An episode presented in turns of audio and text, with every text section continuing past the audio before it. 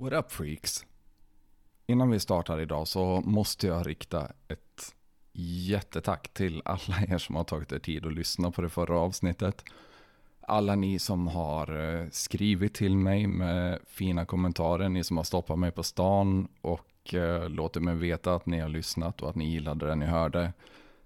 Jag har ett finskt nylle, jag vet, vi visar inte känslor så det jävla ofta, men ni ska veta att det värmer sjukt mycket. Så tack. Innan vi startar idag så tänkte jag att jag skulle ta och adressera lite frågor som jag har fått kring eh, omslagsbilden. Och eh, vad det föreställer är helt enkelt Theodore Roosevelt som eh, rider på en älgtjur. Och eh, det beror på att jag bad AI ta fram en bild på Theodore Roosevelt som eh, rider på en älgtjur. Anledningen till det här är att eh, Theodore Roosevelt alltid har varit en eh, lite av en fascination för mig och framförallt för hans sätt att leva helt enkelt. Han fick eh, inbankat i sig från en tidig ålder av sin far då som var lite orolig över samhällsutvecklingen i slutet av 1800-talet. När vi började bygga någonting som liknar civilisation och grejer. Och gubben var helt enkelt orolig för att hans barn skulle bli fjoller. För att då motverka det här så ehm, lät pappa Roosevelt eh, ungarna veta att eh, det är okej okay att ta del av civilisationen, men eh, inte kroppsligt. Så devisen var helt enkelt Keep a civilized mind, but make savage the body. Och ett av sätten som eh, Theodore kept his body savage var bland annat att han var en livslång kampsportare. Han var det första brunbältet i judo i USAs historia och var dessutom känd för att ha en brottningsmatta och boxningsring inne i Vita huset. Det här intresset gick så långt så att han eh, till sist på äldre år blev blind på ena ögat för att han hade kört lite för hårt med dåvarande tungviktsmästare i boxning under en sparringrond. Kopplingen till älgen kommer från att eh, Theodore en dag i sitt liv när han är på väg till ett tal blir skjuten i bröstet i ett mordförsök. Vissa hade ju konstaterat att eh, nej, vi kan ju inte hålla något jävla tal idag, vi har blivit skjutna i bröstet. Men Theodore hostar i handen, konstaterar att det inte är något blod i utandningsluften och tänker att fan, bra nog. Kliver upp på scenen och säger något i stil med att kära vänner, jag vet inte om ni inser att jag just blev skjuten i bröstet, men det krävs mer än så för att fälla en älgtjur. Han fortsatte sen att hålla tal i ungefär en och en halv timme innan han bestämde sig för att det var dags att åka till sjukhuset och operera ut en kula. Så där har ni kopplingen till älgen. Om ni skulle vilja veta mer om eh, Theodore Roosevelt och eh, hans minst sagt episka liv så rekommenderar jag varmt att ni kollar in Daniele Bolelli och eh, hans fantastiska podcast History on Fire. Han gjorde en underbar exposé på Theodore Roosevelt över tre delar tror jag det var som heter The Man in the Arena. Så ehm, styr in där och kolla in Daniele, han är fantastisk. Dagens gäst heter Martin Lundström och jag och han har samma bokstavskombination så samtalet fladdrar ganska vilt från contentskapande till gaming och eh, med hans historia som bakgrund så blir vi också lite kontroversiella strax efter två timmars räcket. Vi börjar nämligen diskutera lite cannabis och droglagar där. Ni kommer att höra att jag blir väldigt obekväm i det här samtalsämnet men Samtidigt så känner jag att vi måste börja prata om sättet vi hanterar missbruk på i det här landet. För om vi bara kollar på fakta så har Sverige Europas absolut högsta narkotikadödlighet. Kollar vi på snittet i Europa så ligger vi hela fyra gånger över trots att vi har bland de strängaste lagarna i vår världsdel. Så varför en diskussion kring avkriminalisering är kontroversiell vet jag egentligen inte men jag funderade en bra stund på om jag verkligen borde släppa det här avsnittet. Det kanske inte är ett avsnitt som ni borde lyssna på med barn i närheten om ni inte har räknat ut det på mitt språkbruk och explicit-märkningen. Men vi kommer också att diskutera droger en hel del. Så um, be warned och välkommen.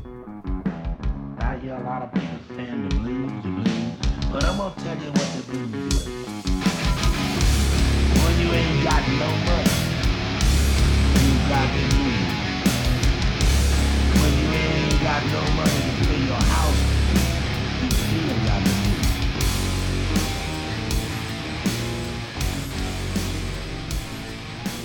Dagens gäst i Hjälten i din själ är Martin Lundström. Han är 25 år gammal verktygssäljare som bor här i Skövde med sambo. Har två dabbagamer hemma och är en gamingnörd deluxe. Välkommen får jag säga. Tackar, tackar. Gamingnörd är väl eh, förnamnet.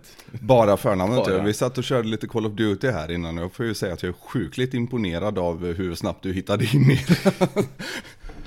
Då är det på fel eh, device också som jag kör på. Ja, men jag förstod det. Värdelös Alltså. på kontroller. Ja, visst. Ja, men det... my- mycket hat på det nu säkert, men kontroller suger. Vi kommer till det. Jag tänker att vi ska gå lös och eh, höra oss för med allting vad det gäller det här. För att jag, jag blir sjukt intresserad i alla fall. Jag har försökt att köra Call of Duty själv.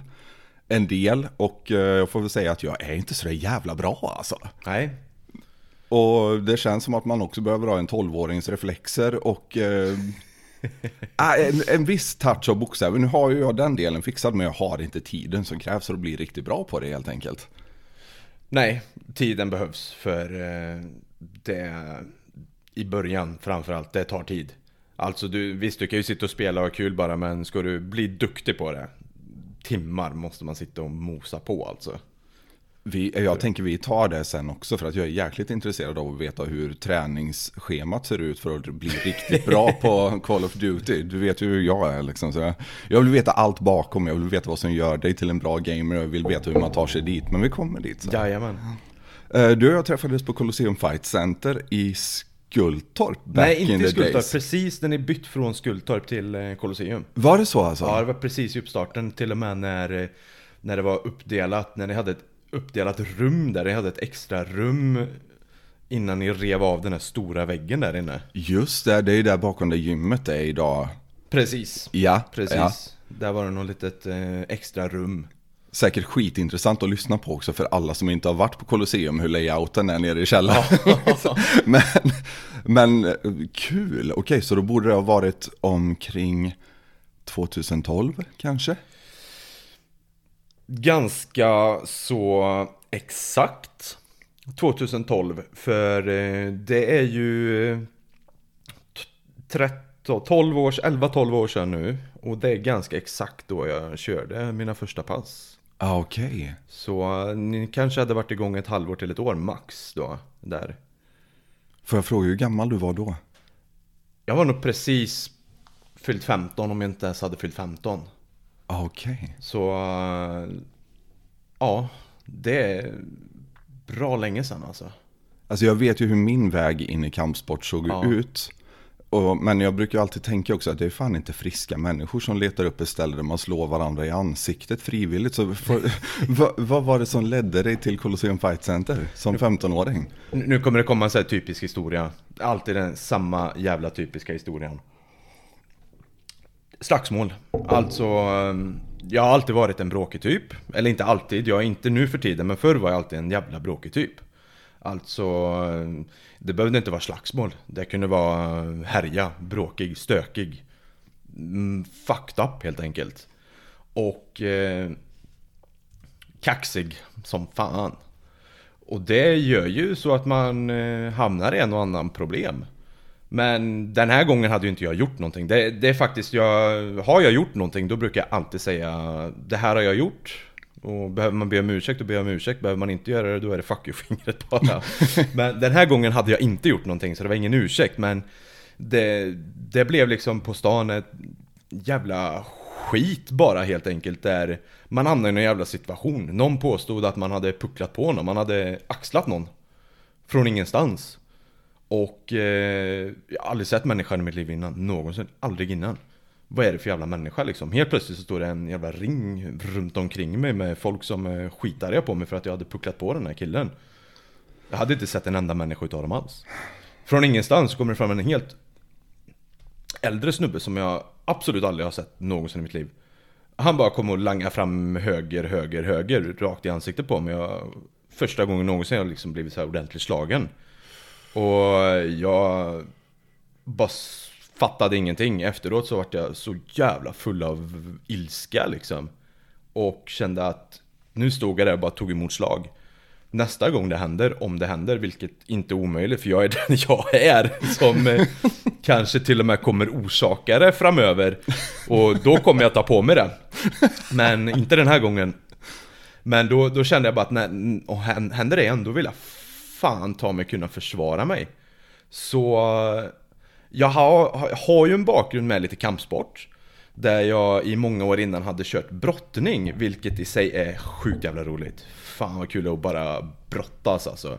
Det är, det är nog den bästa sporten jag vet tror jag. Ja, jag rent tror det. För fysisk utveckling, för kroppskontroll. Allt. Och för självförsvar. Fan för jag ryser bara när jag pratar om det, fan det är så jävla roligt med brottning. Brottning är otroligt. Ja, bara eh, allt som har med brottning att göra, vilket jag till och med kanske där får ta tag i och börja med igen. För jag är fan brottare och bor ju bredvid brottarlokalen liksom. Ja, just det. Sjukt kul. Nej, så jag, jag har en bakgrund med brottningen i kampsport. Där jag kört på och vunnit eh, tävlingar och alltihopa när jag var lite yngre. Sen eh, har jag hört talats då, då jag visste inte fullt ut vad MMA var då. bara hört talats om det. Och eh, fick reda på sen att min eh, morbror är mycket gammal god polare med Anders där, coachen.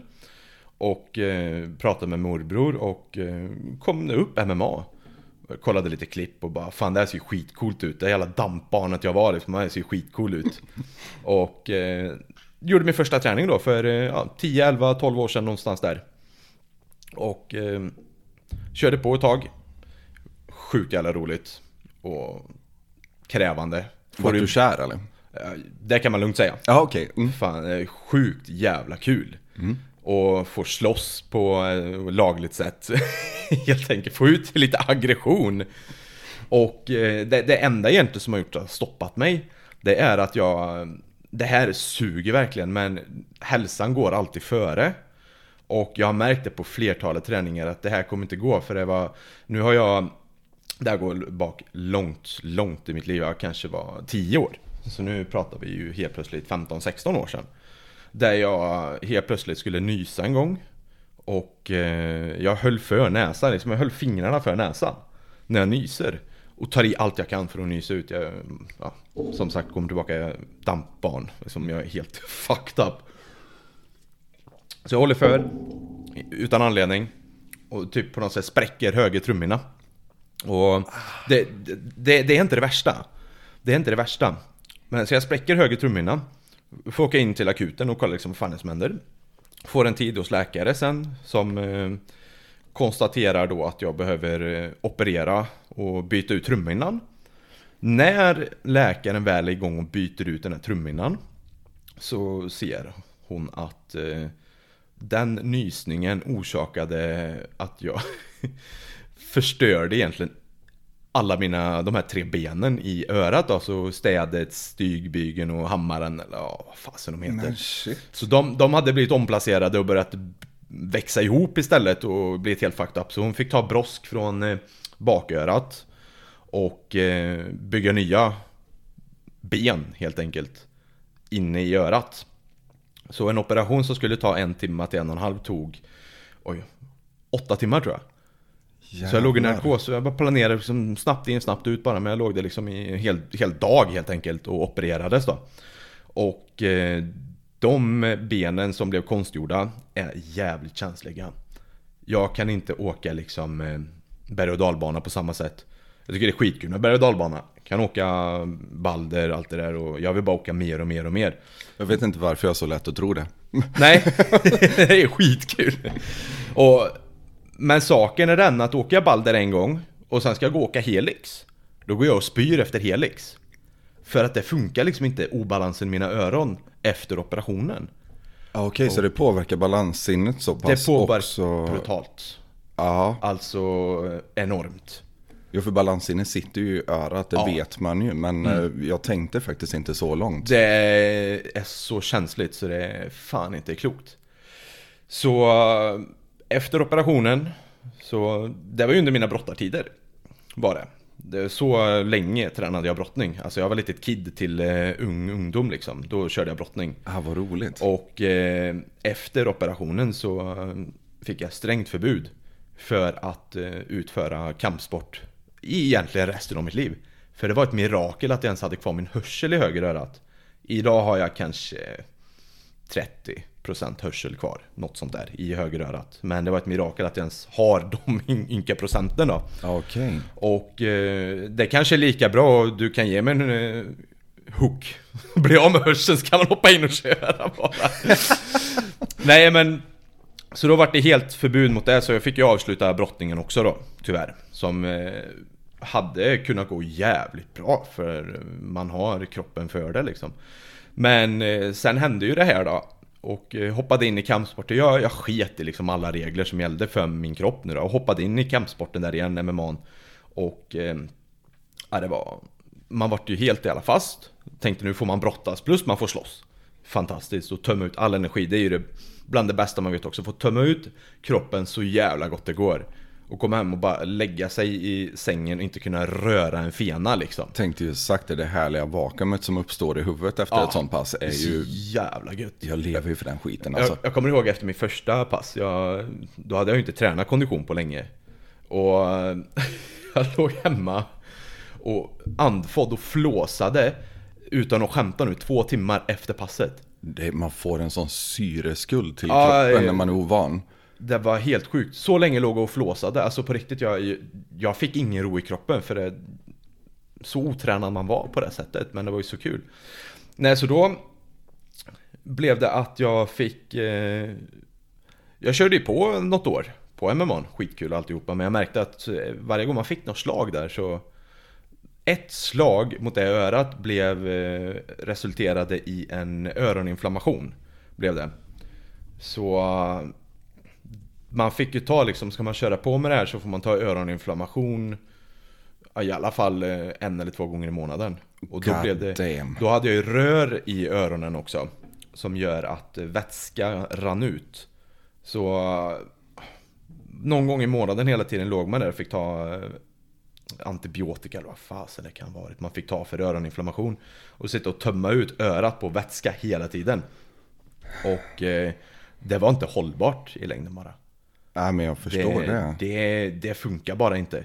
Men, eh, så jag var tvungen att avbryta det. Hur trist den var.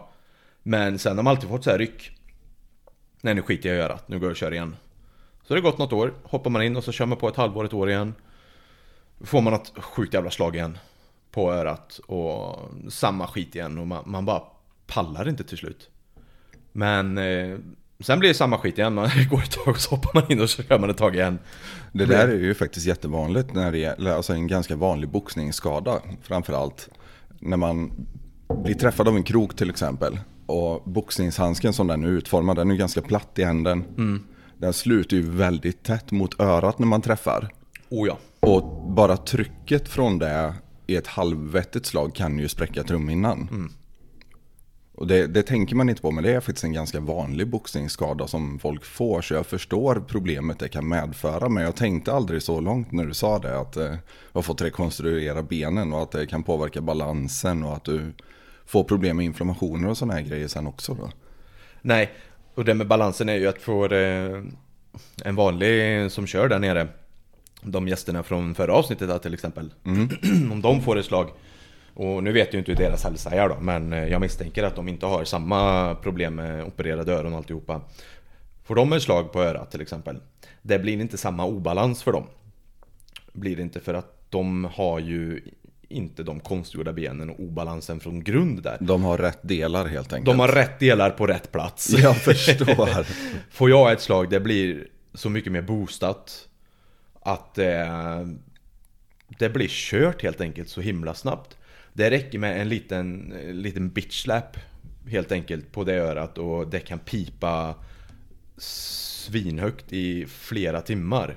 Det, Fy. Ja, så det är ingen snyfthistoria utan det är bara sanningen bakom det hela att eh, Hade det inte varit för det hade jag jättegärna kört på, inte för att liksom ta mig långt utan bara för att det är så jävla kul Nu ska inte jag säga att jag sitter här och tycker synd om dig för att Nej. du har rekonstruerat öra. Men jag tycker synd om dig för att du inte kan träna MMA. Det är därför jag sitter och låter så sympatisk det kommer väl här. snyftet in då? Ja, precis. Det här att man inte kan köra MMA Absolut. Eller thaiboxning, måste Ja. inte vara MMA Bara thaiboxningen, hur jävla roligt som helst Det är ju jättekul. Men plus i kanten är ju att det här har ju medfört att eh, Man är dålig på att skydda vänsteröra men kommer någon och börjar slåss och förlåter höger, högerörat och den, den eh, skydd, skyddet för högerörat, man är jävligt snabb med garden där alltså Blockeringen sitter. Blockeringen sitter Det är som en inbyggd reflex nu Jag förstår. Eh, dampbarn säger du, men jag förstår eh, vi delar samma bokstäver du och jag eller?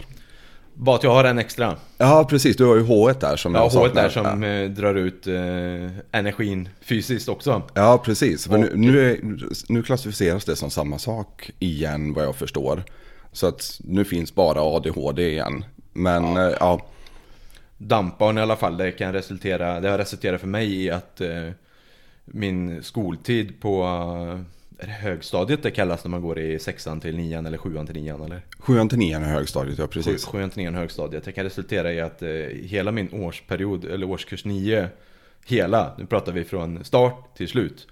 Varje vecka, fredagar, fredagar innan första lektionen, hade jag möte med rektorn. Varje fredag, hela årskurs 9. Årskurs 7 och 8 var helt åt helvete.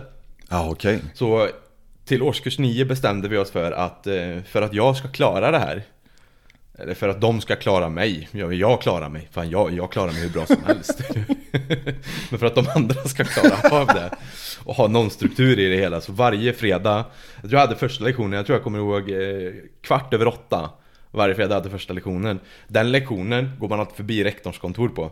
Då stod alltid alltid min mentor utanför rektorns kontor och väntade på mig och vinkade in mig till rektorn. Jag var så jävla trött på det till slut. Jag var så jävla trött på det till slut. Så jag valde att gå andra vägar till den lektionen för att undvika min mentor där.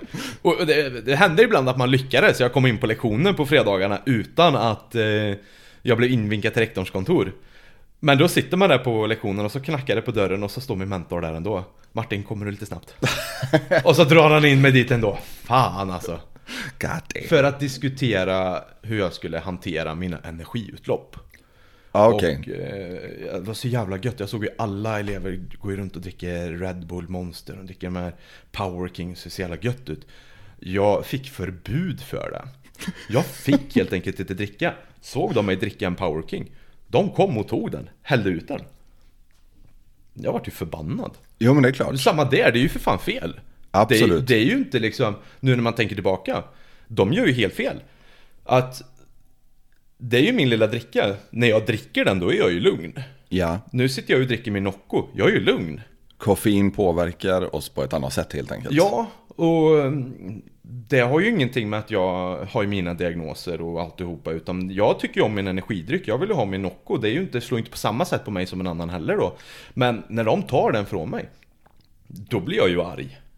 Ja, trodde de att energiutbrottet skulle bli mindre Ja, av att de tar saker av dig? Jag, eller jag, har ju för fan, eh, jag har ju sprungit över till Lidl och hoppat över vägen där som vi inte fick göra. Hoppat över dit och köpt en Power King eller den vad, nu- vad de nu hade på den tiden och sitter och dricker på och är skitglad. Jag har min energidryck, jag känner mig skitcool.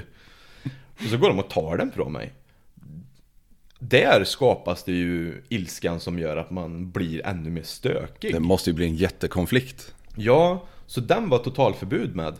Men tillbaka till de här fredagsmötena med rektorn.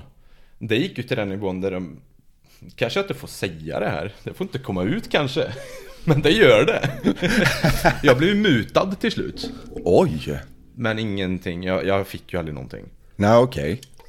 Men alltså, jag- nu, nu ja. behöver vi inte hänga ut någon, men hur ser en sån muta ut till en 15-åring på, från en skola, tänker jag? Jag vet inte för jag fick den aldrig för jag klarade mig aldrig. Nej men det var... Vi började lite smått, gjorde vi. Att eh, de hade lite glassar i eh, kafeterian. Och eh, då var det på fredagsmötet eh, Martin, den här veckan Om du lyckas sköta den här veckan Om du lyckas hålla det på, ni- på nivån att eh, det inte kommer någon lärare till mig och berättar Det här har Martin gjort. Om du lyckas hålla det på den nivån då, då får du gå till kafeterian, då får du en gratis glass. Jag fick aldrig någon gratis glass.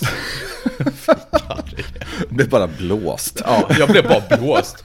Eller så kanske det var att jag inte skötte mig Ja, Eh, men så kan det, det kommer, också. komma, det kommer komma exempel från skolgången som är brutalt roliga att höra helt enkelt. Men åter till det, för den andra mutan var när de märkte att glassen inte funkar för så här 10 kronor. Då höjde vi budet, 10 dubblade vi det. Till en biobiljett, värde 100 kronor på den tiden kanske. Ojsan, alltså nu börjar vi snacka. Nu börjar vi snacka. Men det blev ingen bio heller. det blev ingen bio. Ja, men jag blir lite ledsen när, man, när vi pratar om det här nu. Alltså, vi sitter ju och skrattar åt det. Men jag blir lite ledsen över hur systemet funkar ändå. För att jag menar, vi som är byggda så här, vi är inte riktigt gjorda för att sitta still i åtta timmar. Nej. Och lyssna på dötråkiga saker som någon oinspirerad lärare berättar. Som har berättat exakt samma sak på exakt samma sätt. Särskilt, säkert hundratals gånger innan. Det, vi är inte gjorda för sånt överhuvudtaget. Vi zonar ut på ingen tid alls. Och kan fysiskt inte bara koncentrera oss på det. Förutom på musiken då när man fick sätta sig och banka på trummor, det var ju skitkul. Ja men sånt funkar ju jävligt bra skitbra. förresten. Jo, ja, men det kan jag tänka mig. Nej men alltså jag blir så... Det är ju ganska nytt där. För i hela människans utveckling så har ju det här varit en fördel. Att vi har den extra energin, vi har liksom den här extra växeln att kicka in som behövs när man jagar till exempel. Som behövs när man lever som bonde. Men nu när vi, alltså barnen förväntas att sitta still 40 timmar i veckan, då är det ju en förbannelse. Ja. Det har blivit det. Förr var det ju... Det var ju inte klassat på alls samma sätt. Nej men jag För kan ju- tänka mig det. Det är ju som du säger, förr i tiden. Det behövdes ju. Det behövs än idag. Behövs det. Men man har blivit så inramad i ett jävla system alltså. Och det har gått så jäkla fort också. Från att vi, jag menar, hundra år sedan så levde vi ju fortfarande stenhårt. Det är väl egentligen de sista 50 åren som det känns som att vi har blivit mer och mer stillasittande och nu förväntas det av oss helt enkelt. Och det eskalerar mer och mer bara. Jo men Ja. det gör ju det. Hade velat se... Nu kanske folk kan koppla ihop ett och ett, men jag har ingen utbildning. Alltså jag, jag har ju hoppat av, har gjort. Så jag, har ju gått min egna väg såklart. Och, vilket har funkat jävligt bra i sig. Ja. Men eh, hade jag satt mig bakom skolbänken idag, jag... Jag hade inte ens klarat en vecka på en termin tror jag. Det hade inte gått. Alltså... Tar man hur det var då kontra hur det säkert är nu. Jag vågar inte ens föreställa mig det. Fan vi... Eh, roligt exempel från hur vi levde Lattjo Lajban, eller jag framförallt. Fan träslöjd. Musik och träslöjd var skitkul. På träslöjd, eller på musiken fick du banka på trummor i en timma. Träslöjden fick du bygga coola vapen i en timma. Alltså, jo alltså slöjden var vapentillverkning Ja. rakt av. Det ska, ska inte ens ljuga där. Vårat supervapen vi tillverkade en gång. Oj oj oj Snälla vad berätta. arg våran lärare var. Stålrör hade vi fri tillgång till. Långa feta jäkla stålrör. Och eh, vi hade tillgång till eh, eltejp i oändliga mängder. Och vi hade tillgång till sådana här typiska träslöjdsknivar, enkla enhandshållna små knivar på 15 cm eller vad de kan vara. Oj oj oj. Det spjutet kommer jag aldrig glömma. Jag kommer aldrig glömma det. Träslöjdsalen var uppdelad i två salar. Så du hade en sal där bänkarna var och eh, läraren för det, för det mesta alltid höll till. Och sen var det en liten passage till den andra salen. Där eh, vi eh, bad boys höll till. Fan vad coola vi var alltså. Vi hade satt upp, det var ganska långt, det kanske var 20 meter långt eh, den salen. Alltså jag vill bara skjuta innan, jag är nästan 40 och jag går igång på det här. Ja, det alltså så jag är så taggad kul. på att höra fortsättningen. Vi sätter upp ett eh, stort jävla plank. Nej jag tror inte ens vi satte upp ett plank. Jag tror den plankan redan var där. De skulle göra någonting med den stora träplanken som var längst bort i ena änden. Vi bygger ihop vårat spjut. Stålrör. Silvertejp. Kniven in i stålröret. Tejpa fast kniven i stålröret. Oh, det var en livsfara när man tänker efter. Men fan vad kul det var. Andra änden av salen stod vi där och allt vad vi kunde tog sats, bara kastade spjutet genom hela jävla salen så gott vi kunde in i det träplanket som de höll på att bygga med på andra, andra änden. Och det var så jäkla kul. Sen var det någon jävla snitch någonstans. Kommer där. Alltid. Alltid. Någon jävla snitch som hade sagt att vi har byggt ett spjut. Kommer vår lärare in, in i den salen, gapar Vart är spjutet? Vart är spjutet? På något sätt så hade min klasskompis då lyckats skitsnabbt liksom demontera det, dra bort tejpen och fixa det liksom. Vadå vilket spjut? Det finns inget spjut. Jag kommer inte ihåg hur han fixade det än idag. Men eh, läraren fattade att det var jag och kompisen som hade gjort det. Så, ni två till rektorn nu! och den veckan blev det två rektorsmöten då. Ah, okej, okay, ja. det, det, det, blev så helt enkelt. För eh, fredagsmöten plus eh, träslöjdsmötet då. Så, men så kan det gå. Så dampbarn, skitkul att vara ett dampbarn men eh, ja. Hade inte velat ha ett liv utan det. Nej men jag förstår, det är någonting man, man lär sig att leva med och det är också någonting som man använder i vardagen. Mm. Hela tiden. När man väl lär sig hur det fungerar så brukar man ju tyvärr använda det som en superkraft då och då. Ja. Eller hur känner du? Helt, helt hur du väljer att lägga det. På den tiden använde jag det inte som en superkraft. Nej men det, när det är så ofokuserat och ostyrt så går det ju inte heller. Nej och hjärnan fattade ju inte bättre. Utom eh, på den tiden var det ju Jag kanske då behövde de här mötena med rektorn men den tiden var det ju helt ostyrt på. Då gjorde man det ena och det andra hela tiden. Men sen med tiden lär man sig att eh, hitta något du gillar. Alltså hittar du någonting du fan tycker om som är något bra. Jag skiter i om det är att eh, bygga snöbollar eller om det är att bygga lerbollar eller bara gå ut och lägga det och rulla runt i, på marken. Hittar du någonting du gillar brukar oftast vara någonting kreativt. Som eh, jag bygger plastfigurer till exempel. Jag lägger energin på mina dataspel där det verkligen är orienterat för att du ska ha diagnoser. Hitta någonting du gillar och lägg ner energin på det. För då kan du välja att styra fokuset så jäkla grovt på det. Och bygga upp någonting stort istället. Då har du inte orken sen till att eh, göra de här bravaderna. För då har du tömt ut all energi på det du gör.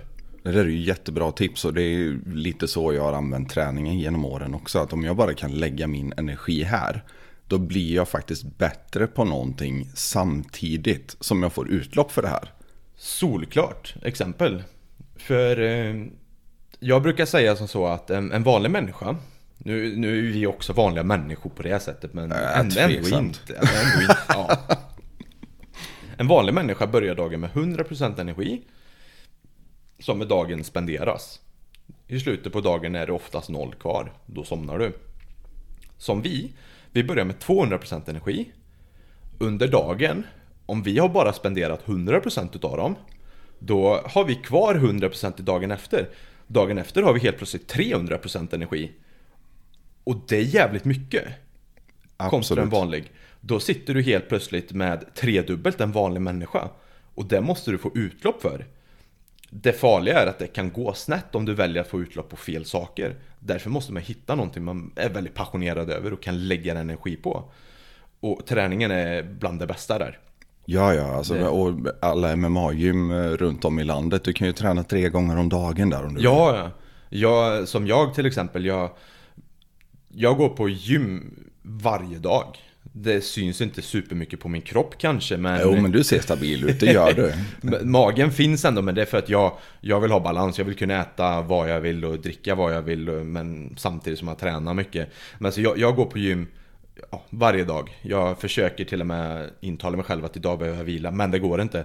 Och på gymmet då kör jag oftast ja, minst 30 minuter men mellan 30 till en timma på cykeln. Bara tömma mig så bra det går på cykeln. På med luva, svettas ut allt man kan. Efter det kör jag styrkepass. Nu kommer mycket hat att du kan inte kombinera så mycket cardio med styrkepass men... Eh, käften. Käften, det funkar för dig för att du är normal. Det funkar inte för dig för att du är normal kanske men kolla på mig, det funkar. Helt enkelt. Så efter det, säg att jag har kört 45 minuter cykel, 20-25 minuter styrkepass, tömmer ut mig så gott det går, in i bastun, svettas ut ännu mer, dränerad efter det hur jävla gött utlopp som helst. Du gillar bastun alltså? Det bastun gillar jag att höra. Finsk bakgrund, du vet halvfinne här. Ja, men det är samma här. Jag, ja. jag älskar bastu. Men håller du på med kylan någonting också med cold exposure eller? Nej. Ja, okay. Inget sånt. Nej. Det är... Förr har man gjort lite, men då ska man in i bastun igen direkt. Men, Allra helst ja. Ja, men ingenting. Inget sådant för mig. Vi pratade ju om det lite på vägen hit idag. Mm. Alltså jag, jag har ju ett guilty pleasure, det är ju de här jävla cold runsen jag gör. Eller frost runs kallas det ibland också. Alltså man, man springer ute mitt i vintern utan kläder helt enkelt. Det jag tycker det är så fantastiskt. Det låter helt knäppt.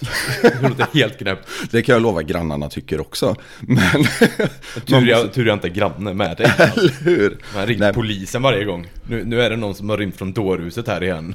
Ja, jag tror fan det är säkert någon som har varit nära någon gång. Men jag måste ju säga, alltså, de första två kilometrarna är ju ren och skär plåga. Allting gör ont, du fryser, du måste liksom tänka på andningen hela tiden bara för att hålla dig varm. Men sen när du väl har kommit över den där tröskeln, när allting börjar gå av sig självt, då är du helt plötsligt varm igen. Så du värmer upp din egen kropp inifrån och sen känns liksom snöflingorna när de landar som små nålar på huden bara, men som att de bara dunstar av dig för att du är så jävla varm ändå. Så alltså, du känner dig som en supermänniska när du kommer hem och det är väl egentligen den känslan jag jagar. Det blir ju på samma sätt också här att man kan köra på varje dag på gymmet på det här sättet. Men det är ju en helt annan kategori. Men sen är det någonting med oss som har finskt blod. Fan, väderomslag eller vad fan man kan... Väder, weather conditions. Det är inte samma sak för oss. Nej men jag, jag håller med där lite alltså, det är verkligen. Jag har inget emot att frysa liksom. Om, eh, om jag är inställd på att nu, nu ska jag stå ute och frysa lite. Då, kör! Ja, det är inga större problem faktiskt. Utan det jag ser ju hur Embrace andra... it. Ja, ja. Andra reagerar ju uppenbarligen annorl- annorlunda på kyla och det har garanterat en träningssak också. Oh ja. Men ehm, ja, det är någonting med den här finska bakgrunden, det kan vi ju absolut konstatera. Ja, de, eh, ni diskuterar finska fighters också, om jag inte minns helt fel. Absolut. We- We're built different. Jo, men det är Vi en... finnar är det. Det är så... Det är inte alls länge sedan som alla finnar var skogshuggare i stort sett. Nej, och det är inte alls länge sedan mina, fan blir det, mormors bröder var ute och krigade i finska vinterkriget. Och ska vi komma där och gråta för minsta lilla sak när fan släkten har varit och krigat i finska vinterkriget.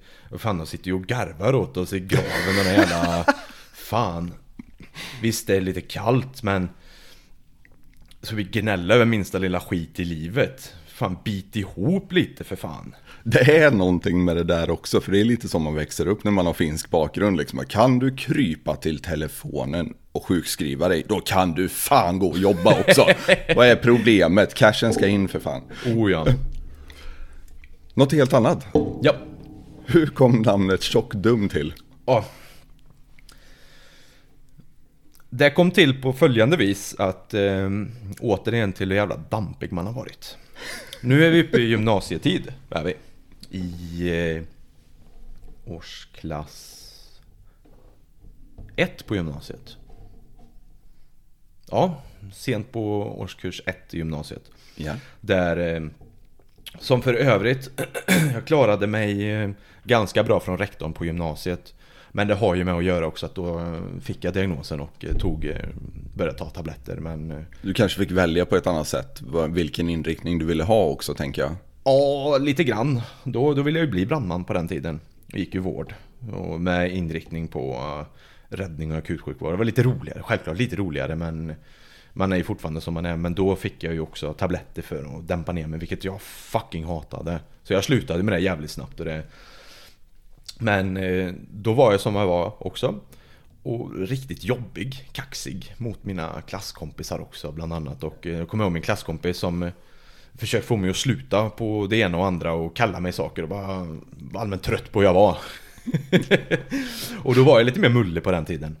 Och eh, då kommer jag ihåg eh, min klasskompis som han var tom på ord Vad han skulle kalla mig För inget funkade Så ah, din jävla Tjockdum Tjockdum Var det han sa Och, och då, då kom jag på Jag tyckte det klingade så jävla bra Så det skulle vara en förolämpning Men jag tycker det klingar så jävla bra bara Tjock och dum, tjockdum Tjockdum Tjockdum Fan vilket bra namn Vet du, alltså, det var faktiskt så jag reagerade när jag såg det första gången också. Jag tänkte, vad fan, det ligger ju perfekt i käften. Tjockdum. Ja, det, det, jag, jag älskar det. Även om det inte är superaktivt idag. Det är lite, lite aktivt såklart, det är lite upplägg på sociala medier och så, men inte superduper aktivt. Jag använder den idag. Call of Duty, mitt namn där, tjockdum. Mitt namn på sociala medier, tjockdum. Överallt, tjockdum.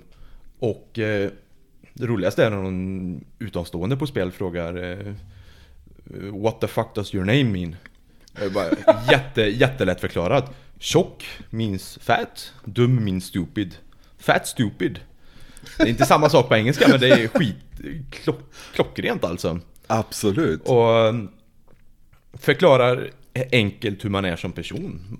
Man- är lite tjock och man är lite dum, men vad fan gör det? Ja men det är, alltså, det är ett skitfint man- varumärke. Man sätter ribban ganska högt också, för eh, man är ju inte lättkränkt. Och är det så att någon vill komma och kränka en, någon som vill komma och säga Fan jävla fetto, fan du är ju helt jävla dum i huvudet. Ja, jag, jag vet det, mitt nickname är tjockdum. för det sätter, det sätter en ribba där du får nå mig på något annat sätt, det där funkar inte. Ja, men nästan lite självförsvar också. Ja, det blir Ja. de här typiska Stöter du på någon som är jobbig Ja men du, du är fan dum i huvudet åt helvete Stöter du på någon som är tjock och som är mobbad, som är lite tjockare De ska kalla mig jävla tjockis eller någonting Man, man har redan dratt bort den tröskeln att eh, Ja jag är tjock, jag vet det, ja jag är dum, jag vet det Tjockdum Så eh, ni får försöka på något annat helt enkelt Absolut. Så det är bakgrunden bakom eh, mitt nickname och eh, Som sagt inte superaktivt nu Ja men det var väl det en gång i tiden. Alltså, var det tjockdum official eller? Ja, då var det tjockdum, då har jag bara gett att tjockdum Ja. egentligen Och eh, vad jag har gjort via nicknamet är eh, liksom ren humor Alltid börjat med Snapchat, superaktiv på Snapchat förr i tiden Det är egentligen bara la ut från att jag vaknade till att jag gick och la mig Allt jag gör och vissa dagar mindre intressant, vissa dagar mer intressant Och eh, hatare kommer alltid hata och säga att det var skittråkigt men de följde det ändå. Och sen hade jag värsta jävla anhängare som helt galna i det. Alltså de älskade det och nu pratar vi liksom hela Sverige. Allt upp från Kiruna ner till eh, Malmö liksom. De älskade bara följa det. Och se vad man gör. Och det, vissa dagar var det så här skitroliga saker man gjorde och vissa dagar skittråkiga och ehm, eh, skitroligt exempel på vad jag, vad jag la ut på det en gång eller det, det största egentligen som jag har lagt ut som har fått liksom miljontals visningar det, det är när jag Jag visste att det fanns ett eh, stort utkikstorn på kanske 10 meter ute i skogen. Och jag visste någonstans i mig att bredvid det här tornet finns det ett stort jävla träd. Och eh, jag tror inte du har sett det här klippet Men du ska få se det sen Det hoppas jag verkligen. Jag sitter där och är astaggad nu. Och jag bara ringer mina kompisar och bara Ey grabbar, jag har en fett jävla bra idé Det här kan inte gå fel. det, det, det, det, det här får inte gå fel Inte kan inte, det kan Men det får inte, för går det fel då är jag död Och då är jag verkligen död Då är det kört Det här tornet ute i den här skogen Ni vet det här tornet va? Ja, ah, fan Jag tror det är ett träd bak, bredvid det Och de fattade direkt vad jag skulle göra. De fattade direkt, jag tror du fattade direkt med. Absolut. vi drar dit. Kollar igenom lite, jag är dönervös alltså. Fan jag håller på att bajsa på mig för jag vet att nu Undrar minsta lilla, varför? minsta lilla fel och jag, jag är död för det är så jävla högt alltså. Det är så jävla högt. Och trädet är en bra bit ifrån också. Men eh, jag ställer mig på kanten på tornet Och sen lever jag efter ett motto som När folk gör dumma saker då säger de alltid YOLO, you only live once. N- När jag ska göra dumma saker, mitt motto är eh, Life is short, stunt it. Ska du göra något dumt då är det det jag säger. Så jag säger det här, life is short, stunt it. Flera meter till trädet, till trädtoppen. 10-15 meter upp i luften Åh, tar sats, jag hoppar. Jag bara flyger, jag bara hoppar och Första bästa grepp i trädtoppen Och det bara knakar och brast, brister och bara fan. Dude, alltså mitt rövhål kniper ihop sig lite när du berättar om det bara. Ja men eh, det var inte det jobbigaste egentligen. För eh, nu satt jag där på trädtoppen Jag hoppade, jag tog, jag tog jag hoppade. Jag, jag lyckades. Men eh, nu sitter jag där på trädtoppen och eh, tänkte inte längre utan Jag hade inte tänkt så långt i tanken heller. Nej Jag hade tänkt ända fram tills att jag sitter på trädtoppen Men sen när jag sitter där på trädtoppen, liksom, vad fan gör jag nu då?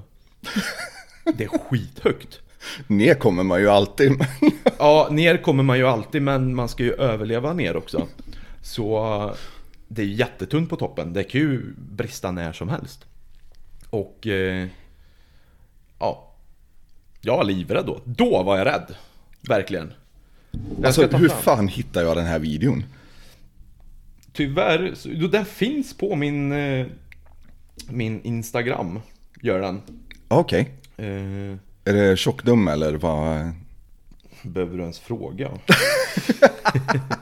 jag ska se, den kommer vara långt ner på min Insta. Och berätta för lyssnarna hur de hittar den också. Eh, På Instagram heter jag som sagt Tjockdum. Jätteenkelt att hitta. Söker man Tjockdum i ett och samma namn så kommer det komma fram. Och den videon, jag ska se om jag kan få fram den här. För övrigt så är den Instagramen fylld med massa jävla dum skit bara. Och, Som eh, sig bär. om, om ni vill få lite grepp på liksom vad jag sysslar med, det, allt, allt finns där. Gammalt som nytt. Helt rätt. Eh, försöker få fram fortfarande för det är så mycket dumma, konstiga grejer. Men hade någon YouTube-kanal med några kompisar också. Kan vi Mm, ju prata om medan den- vi håller på och scrollar här. Spring in i taxin eller vad? Jag har videon här, vi kan ta videon först. Vi kör videon, absolut. Här ska du få se videon på när jag hoppar upp i trädet. Ska vi se, det är en video alltså mitt ute i ödemarken. Åh jävlar. Åh fucking hell. Du ser hur jävla högt det är. Hur ska jag komma vidare nu då? Du ser, det, det var min enda rädsla. Jag, det var skitnervös skratt. På riktigt, hur lång tid tog det att ta sig ner? Det, det, tog, det tog ju längre tid att komma ner än det tog att göra allt som allt. Alltså med att klättra upp och hoppa och... Nej, det, det tog ett bra tag för jag var, jag var så försiktig. Det är nog första gången jag varit riktigt försiktig i mitt liv för att nu insåg jag att nu, är- nu är det liv eller död. Ni hörde det där, alltså ni behöver gå in på Instagram och leta upp tjockdum och kolla på det. TikTok också Där, ja. där finns det lite mer, det är ännu mer färskt. Ja okej. Men där kan vi ta, jag kan ta lite snabbt på Youtube, en spring in i taxin. Jajamän. Ja. Eh, namnet grundar sig i eh, en helt random snubbe som bara skrek spring in i taxin och eh, det klingade också så här riktigt bra liksom. Alla ska alltid heta något så här sitt namn. Ska, ska min Youtube heta Martin Lundström och company? Liksom skittråkigt. Ska, ska den heta Challenges med Martin? Skittråkigt. Alltså något helt random namn. För att man kommer ihåg det lätt också. Absolut. Nu är det inte så här, nu är det ingen så YouTube med flera hundratusen subscribers. Jag tror det är 3000 kanske bara. Men kvaliteten på videosen är för att vara till flera miljoner. Fan, de är skitbra. Men, och där gjorde vi också random skit. Jo men jag såg ni hade ätartävlingar och grejer. Ja, och, vi, ja. Vi, vi började hela med att vi åkte egentligen iväg på lite äventyr, besökte lite ställen och bara filmade liksom hela resan. Sen eh, blev det lite roligare, vi gjorde lite ätartävlingar, Tjockiskampen kallar vi den. Ja. Vi hade en annan kille med där som... På tal om fatshaming och sånt. Och, På tal om fatshaming. Samma där, kom och försök eh, kalla mig tjockis eller någonting. Fan, vi har en videoserie som heter jag Tjockiskampen. vann tjockiskampen. Jag vann. Käften! Ja, jag vann! Jag vann Tjockiskampen! Kom och mobba mig! Vad fan, är äh, förtjänat rätten att kalla mig. Där innebar det att eh, det var jag, tjockis nummer ett och en till kille, tjockis nummer två. Gjorde olika tävlingar. En tävling var att vi skulle genomföra en hinderbana. Med pauser där vi skulle äta donuts så snabbt vi kunde, choklad och alltihopa. Så eh, egentligen saker som inte går ihop men eh, för en tjockis så går det ihop. Ja, men jag tyckte det var ett briljant upplägg. Alltså när ni gör en fysisk utmaning samtidigt som ni äter hemska saker. Alltså jag, jag kände ju hur det vände i mig själv när jag kollade på det. Ja men Ska man vara aktiv måste man ju få i sig energi också Det är ju, säger ju sig självt Så um, Nej det var skitkul, det är skitkuligt Skitroligt var det att göra de här Där eh, och sen på första tävlingen vann inte jag tror jag, då vann andra tjockisen Sen andra tävlingen var vad fasen gjorde vi då? Jag tror vi snurrade vi tog på oss våran vanliga tjockiskampen-outfit i så här, träningsbyxor och så hade vi nätlinne Vitt nätlinne på oss. Så ut, Det var jättesnyggt alltså. Absolut. Fan vad stiliga vi var. Och Då snurrade vi runt flera varv i snön. Som är så här idioter när man snurrar runt Och skulle springa En jävla springtävling. Som inte heller liksom Går ihop med att äta massa skit samtidigt och eh, Men eh, den tävlingen vann jag då om jag inte minns helt fel. Och sen var det dags för finalen, då var det ett hamburgarhak i Örebro Som har stängt ner nu då. Där hade de en tävling där om du kunde äta den här hamburgaren inom 18 minuter Eller något sånt där, något så här konstigt antal. Den kostar för övrigt så här typ 300 kronor bara hamburgaren då. Men då var det också 17 stycken patties i den och God Det var damn. bacon i den, det var barbecue-sås så att du kunde bada i det, det var lökringar, det var fylld med allt du kan tänka dig. Kan tillägga att den största burgaren jag har ätit hittills var, jag tror bara var ett kilo kött i den. Här var det mer. Ja, jag kan tänka mig detta alltså. Ja, jag känner mig som en junior nu. Ja, du är inte den kvar då, annars hade jag rekommenderat alla till att gå och testa den för den var jävligt god också faktiskt. Ah, okej. Trots att den var så stor och flötig. Så hela, det var finalen. Och eh, nu är vi godhjärtade allihopa. Så, och, men nu är det så, vi klarade inte burgaren. Så det fick bli en eh, draw. Det blev lika, det blev 1-1 i tjockiskampen. Jag förstår. Jag förstår. Så det är också så här dumma, roliga videoklipp helt enkelt. Ja, visst. Och nu är du med på TikTok säger du? Nu, nu är det lite mer på TikTok. Där kan det vara... Jag kan få för mig att göra något jävligt dumt bara helt enkelt. Och... Eh, ibland är det roligt, ibland är det inte roligt. Och ibland, ja, videos som... Den trädvideon där bland annat, den har blivit nedtagen om och om igen. Så nu har jag gett upp med att försöka ladda upp den. Den fick eh, närmare en miljon visningar första gången jag laddade upp den. Jesus. Och eh, jag blev rapporterad så mycket för att folk tyckte det var läskigt eller någonting. Så det kontot blev bannat och där var det faktiskt jävligt många följare. Eh, För mig är det det. Nu någon annan som sitter här med massvis med följare kommer tycka jag är patetisk. Men jag hade nästan 5000 följare på det kontot då. Tyckte det var skitcoolt. Fan nu går det bra, nu kanske det blir lite TikTok-karriär här. Eller hur? Nu blir jag bannad. Och så eh, tog det ett tag, sen blev jag sugen på att börja igen. Och då startade jag ett nytt. Nu är jag uppe i kanske 2,5 tusen följare bara då. Men eh, det är inte följarna bryr mig om. Jag, jag tycker det är kul att får jag för mig någon dum grej, filma det. Är det en person som skrattar åt det, då, då har jag ändå lyckats liksom. Ja, men då känns det ju värt det ändå. Ja, är, är det någon som skriver på videon Haha, det var kul Eller eh, hör någon skrattat åt det Ja men fan vad kul, den personen skrattade lite den dagen då, då är det värt Så det är väl lite så jag tänker också Att fan kan någon skratta åt det, det är i en värld full av ilska så Är det ändå värt Ja, men det är ändå hedervärt, får jag säga. Alltså, Ja. det, mer människor borde ju tänka så. Ja, då istället för att göra något dumt så gör narr av mig själv, så jag tycker det är ändå kul. Men eh, till så här skit, skitroligt exempel som vi la ut på min Snapchat-story på den tiden. Var mina kompisar hade varit på Emmaboda-festivalen, en musikfestival. Och eh, efter en festival är man ju redigt sleten. Jag tror den pågår i 3-4 dagar, den festivalen. Och så åker man ju helst dit två dagar innan också. Bara för att värma upp. Ja, precis. Ja. ja. Och eh, när de kom hem så hade min kompis, eh, det var två, två killar som hade åkt i samma bil. Och eh, han, min kompis eh, lägenhet hade hans syster nyckeln till den. På något sätt lyckades jag övertala systern till att eh, ge mig tillgång till lägenheten. Och Ja, man, man mår ju verkligen återigen skit efter en festival. Alltså, Ja. hemskt. Man, man vill inte se en människa, man vill inte höra en människa, man vill hem och lägga sig och återhämta sig. Vi hade fyllt lägenheten med eh, närmare 100 ballonger.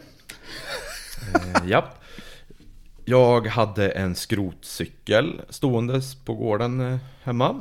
Som jag hade tagit med mig, släpat in, ställt i hallen. Eh, jag hade en luftgitarr hade jag gått och köpt, en sån här uppblåsbar luftgitarr.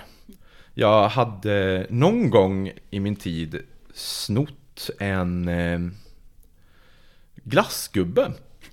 Sån en stor GB glassgubbe hade jag snott någon gång. Så den tog jag med mig. Och sen hade vi satt upp lite solstolar också där inne. Pyntat med lite fina ballonger lite överallt. Och, ja. Så satte vi igång, jag kommer ihåg eh, när vi visste att de skulle komma hem. Breaking the law med Judas Priest. Skithög volym. Och det här var också så jävla roligt. Då sitter vi där, jag hade på mig byggarbetskläder. Och jag tror det absolut roligaste är eh, min kompis som var med på det hela. Som inte gjorde ett skit. Han bara sitter bredvid och ser mig göra alltihopa. Han, har det bäst egentligen. Absolut. Han, han- får ju bara se och njuta av showen liksom. Han eh, sitter i första parkett på en eh, komedifilm som eh, är i eh, 10D liksom. Det är live, det händer nu. Är han en riktig kompis då så han sitter och kommenterar allting du gör fel och så vidare också eller? Han är skitduktig på det här. Han, han är skitduktig. På, särskilt när vi höll på. Fan, så här ska du göra istället. Då blir det ännu roligare. Fan, det där ska du inte göra, det är inte lika roligt. Han, han är skitduktig på att liksom styra upp det så att det blir bra. Och han var ju också med och hjälpte till att styra upp det här. Men, eh, sitter vi där, blastar Breaking the Law på högsta volym. Polaren kommer hem från en Emmaboda, helt sliten, Jag ser på stackaren fan än idag. Jag tycker så synd om honom alltså. Men han kommer in, och hör det börja smälla i ballonger. Han är så jävla förbannad alltså. Han är så arg så det är inte klokt. Och jag sitter där med min luftgitarr. Nej, jag hade lagt luftgitarren på... Just det, så hade jag gjort. På glassgubben, GB glassgubben hade jag satt på luftgitarren på som att det är han som spelar gitarr. så han, säger- han säger ingenting min kompis. Han blir så förbannad så han går ut på balkongen. Han tar cykeln, kastar ut från balkongen. Och sen tar han glassgubben, kastar ut från balkongen. Och det här, det här var jätteskumt men hans hjärna funkade nog inte efter Emmaboda. Så tar han eh, solstolen. Och springer ut till gräsplätten där han har kastat ut alla grejer. Och ställer sig och börjar banka på cykeln och glassgubben. Alltså fullständigt breakdown bara. Fullständig breakdown. Ah, stackars säger jävel. ingenting. Han säger ingenting. Fullständig breakdown bara. Men var ni inte rädda? Alltså när folk blir sådär tysta och bara går fullständigt psycho, det, då kan ju till och med jag bli lite osäker. Jag tror inte jag reflekterade på det då, tror jag. Så... um, Han är liksom ett steg ifrån falling down här. Ja, ja, ja, ja. Sen kommer han upp, då börjar han prata. Han bara Martin, du går ut nu. Vi måste diskutera gränser. Ja, jag har hört att det är något som heter det. Är det så här landsgränser eller? Jag, jag vet inte. Nej, så han, han börjar, Martin du går ut nu. Jag går ut på balkongen. Jag såg ut med att gå ut. Jag ut. Jag var utlåst på balkongen ett bra tag, var jag. Ja, jag förstår. Han eh, orkade inte med mig.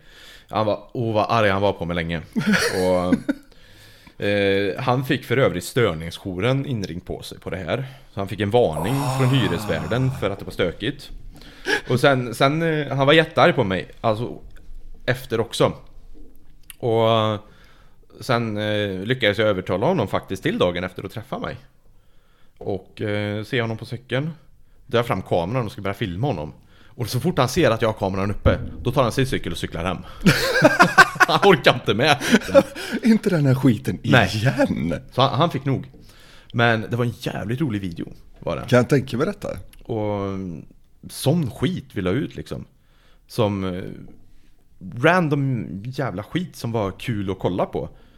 Och mm, samma än idag, dyker upp någonting, jag, jag lägger ut det liksom. Mm. Och TikToken där är fylld med sån här random skit. Vad är det som är så bra med TikTok måste jag ju fråga. Alltså förutom att det är världens bästa spyware som många säger. Det är så lätt att få spridning. Ja, jag misstänkte att det var det, det, alltså. det är ju det. Lägger du ut någonting, hamnar du på For You och du fångar tittarens uppmärksamhet första sekunderna. Du får sån snabb spridning på det. Och Men det är det det handlar om. Alltså, det är första sekunderna för att det är så långt vårt uppmärksamhetsspann är ungefär när vi sitter och scrollar misstänker jag. ja, sticker du ut, är det en video som inte sticker ut då brukar det vara ganska kört. Men sticker du ut på en video som, eh, an- vanligtvis är det alltid någon som filmar sitt ansikte eller eh, något så här random. Vanlig skit liksom. Men sticker du ut och filmar något som folk inte brukar se i början, då brukar ändå folk kolla liksom, ah, okej vad är det här då? Och så gör man något jävligt roligt bara. Jag tog till exempel på matbutik i en stor, eh, inte en liten matbutik, men en stor jäkla matbutik här i, i Skövde utan att eh, nämna namn. Kanske inte ska. det, det kan vi låta bli. Lyckades jag övertala dem till att eh, använda kundmeddelandetelefonen. Big mistake. Ja.